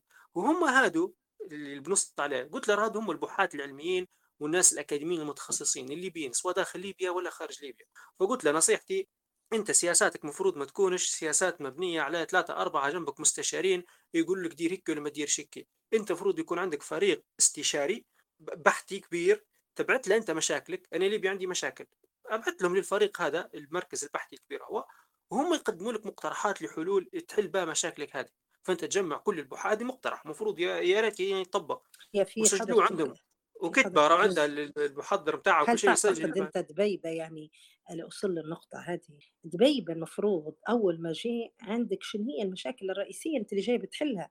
الراجل إيه، تايه هي على فكرة هي معلش عارف معلش أنا نتدخل يا عبد الرحمن اسمح لي نتدخل بس هو إحنا الشباب اللي توا يسمعوا فينا هادم هم اللي نخاطبوهم رسالة موجهة ليهم. فنخاطبوهم هم اللي يسمعوا فينا الشباب اللي موجودين في الغرفة الآن. هم اللي مفروض ي- يعني يفهموا العقلية البحثية شني شني الخطوة اللي بنديرها هنا؟ زي ما قالوا سألوا الشباب يعني شو المفروض ندير في الواحد؟ مش عارف هو بتاخذ أنت مداخلة ولا نختموا ون... لا هو إحنا أنا عبد القادر أنا مش عارف هو يعني طلب لو لكن أعتقد إحنا. حن... حنخ... اتفضل عبد القادر؟ لا مش ها آه طولنا عليك شوية مش نطول على الشباب وناخذ وقت واجد ولكن آه، ما تضحكش علينا وتسكر ل- لأن في نقطتين في الموضوع المحاور اليوم ما خضنش واضح إنه كويس في النقاش وهن يعني أكثر نقاط مهمة في الموضوع هذا كله. فيا ريت بعد- ما تستشير الدكتور أحمد حلقة ثانية. والصفاء اي كمل حلقة ثانية يا بابا. لا حاضر تضحكش علينا ما تضحكش علينا وتسكر الحلقة صلى عليك عبد فاهم فالشباب يعني في شباب واجد يعني وحتى الشاب اللي سأل سأل يعني معنا شباب ما زال- ما زالوا في الجامعات وما زالوا في مقتبل العمر وبيبحثوا وي- ويبحثوا عن إنهم كيف يبدوا ف فيعني يا ريت نقدر نناقش الموضوع هذا في حلقة ثانية. بإذن لا لا الله يضر إذا لا يضر إذا بدينا في جزء ثاني يخرج إن شاء الله الأسبوع القادم إن شاء الله. شكرا جزيلا حاضر لك. إن شاء الله إن شاء الله. حاضر إن شاء الله حيكون في جزء ثاني وأحسن أحسن ختام هو بس على الأقل بس أنا عندي نقطتين بس باهي. دقيقتين خلاص أنت قول دقيقة. لا لا مش دقيقتين دقيقة وصفات دقيقة. قسمهم بالعدل وباش نختم إن شاء الله. هاي خلاص باهي إن شاء الله. تمام أنا بنقول حاجة واحدة بس باهي اللي هي آه، مقترح لحل وأنا معناها حنكون سعيد جدا جدا بالتعاون مع اللي يسمعوا فيها كلهم. الفكرة الفكرة اللي اللي مفروض إحنا نفكروا فيها أو الحل اللي مفروض نفكروا فيه كيف إحنا نكونوا مجموعات بحثية؟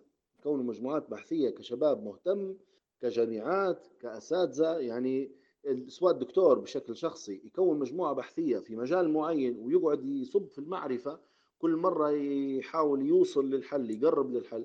أو كمجموعة مثلا من الشباب خارج الجامعات أو يعني خارج الأستاذ معين يلموا روحهم ويحاولوا يتعاونوا مع ناس معنا عندها خبرة وكذا وتخدم على مجال معين يسموا مجموعة كذا ماشي؟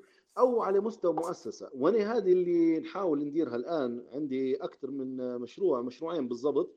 مشروع يتكلم على الأمراض الوراثية في زوارة ومشروع يتكلم على السكري في في سبراتا. عندي مجموعتين الآن. مجموعتين هم الهدف منهم إنهم يديروا بحث معين ويسألوا بعدين سؤال ثاني يديروا بحث ثاني في نفس المجال هو بالإضافة إلى أنهم يدخلوا بعد ما هم يقدموا النتائج هي يدخل النتائج تدخل نتائج البحث هذه إلى مبادرات يتحول النتائج إلى مبادرات في مجتمع مدني بالتعاون مع البلديات بالتعاون مع الحكومات وهكذا. الفكرة ان أنا يبدأ عندي مجموعة من الناس عندهم رغبة في البحث العلمي سواء عندهم مشروع تخرج أو مثلا هم يعني يبي يبي يشتغل بحث من غير انه عنده مشروع تخرج. نجي معه أنا عندي عناوين واتية لمشاكل أنا نعرفها إن هي أولوية في تخصصي ماشي ونخدمهم في في البحث هو أو في المشاكل هذه وبعدين ناخذ النتائج. ما تقعدش في الدرج هذه كلمة قالت هلبة اليوم. لا ما تقعدش في الدرج. يبدأ عندي آه، جناح آخر اللي هو الجناح التنفيذي جناح الاستهلاك استهلاك المنتج البحثي اللي هو المعرفة. نجي للمبادرات المجتمع المدني نجي للبلديات ونعرض عليهم بطريقة تطبيقية نتائج البحث هو. هذه حتصير منها حاجتين على السريع جدا سامحني عبد الرحمن. الحاجة الأولى إنني ولا البحث ليه معنى عند الناس اللي تخدم وصار تراكم معرفي لأنك أنت ديما تخدم في عناوين محددة. الحاجة الثانية إن الناس حتلامس إن نتائجك هي وصلت في مجتمع مدني وصلت للبلديات ودارت لي حل. لما الناس تلامس الناس هي حتضغط عليه أصحاب المصلحة أصحاب المصلحة الثانيين اللي هم المسؤولين وتضغط على الناس الثانية باش يدعموا البحث العلمي. فهي حلقة تدعم في بعضها البعض. هذا ملخص يعني شديد التلخيص. لكن أنا بنقول إن الشباب اللي يبي يشارك في حاجة زي هذه آه، أنا حاليا مكون في حاجة زي هذه واللي عنده معناها في مكانه في مدينته يقدر يدير حاجة زي هذه باش البحث العلمي فعلا يبدأ آه، يعني يزدهر ويبدأ ليه قيمة عند الناس بشكل يلمسهم بشكل مباشر. يعني سامحوني حلي طالع خذيت دقيقتين لا خلاص تو صفاء أعطيك دقيقة الأخيرة. آه والله هو كملخص على السريع إحنا توا نقدر نقولوا إن البحث العلمي من ناحية واقعية فيها المساهمين في تشكيل واقع يعني. فيعني يسمونهم stakeholders يعني في ال business ففي ناس اللي هم صناع القرار وفي المراكز البحثية وفي الجامعات وفي الطلبة أنفسهم يعني أو البحاث أنفسهم. كل شخص عنده دور معين في السلسلة هذه أو الحلقة هذه. نتمنى بصراحة يعني آه، التغيير يبدأ من رأس الهرم وتزامنا مع نشر هي فكرة آه، ضروري ضروري إن البحث العلمي آه، في, في يكون موجود يعني في ليبيا. وهذا وإن شاء الله الكل يعني استفاد من أي معلومة كانت اليوم. وشكرا بارك الله فيكم. بارك الله فيك صفاء بارك الله فيك أحمد بارك الله فيك على كل اللي شاركوا معنا اليوم. آه، في الختام نحب نختم بشوية تكي كلمات في الخاطر اللي بنقولها. آه، موضوع البحث العلمي وإنك انت تسعى في إنك أنت تقدم حلول وتبحث وتطلب العلم راهو ما هواش موضوع فقط. من جانب إن إحنا نحل مشاكل لأن باش نقول أو حل مشاكل مش طلب برستيج مش طلب آه، أمور مادية فقط إنه باش تترقى وتأخذ ديك الدال وتأخذ الألف والمسميات هذه كلها بالكامل. راهو هذا واجب كان إحنا كمسلمين هذا واجب علينا يعني طلب العلم فريضة وإنك أنت تحل مشاكل الناس فريضة وهذا دور أساسي دور يعني إحنا كمسلمين باش نخلف الله في الأرض هذه. إني جاعل في الأرض خليفة رانا مسؤولين. اللي موجود مشاكل نحاول رانا مسؤولين على حلها. لو راو عندنا القدرة ربي حيحاسبنا على الشيء هذا. طبعا سامحونا لتوا اننا إحنا حنختموا إن شاء الله حتكون في حلقة ثانية نسمع فيها مداخلاتكم ونناقشوا مواضيع أكثر بس غير تاكيد اخير على موضوع الدافع المسافات كلمه عليهم بكري لازم نذكروا روحنا. من سلك بحديث الرسول صلى الله عليه وسلم قال من سلك طريقا يلتمس فيه علما سهل الله له طريقا به إلى الجنة.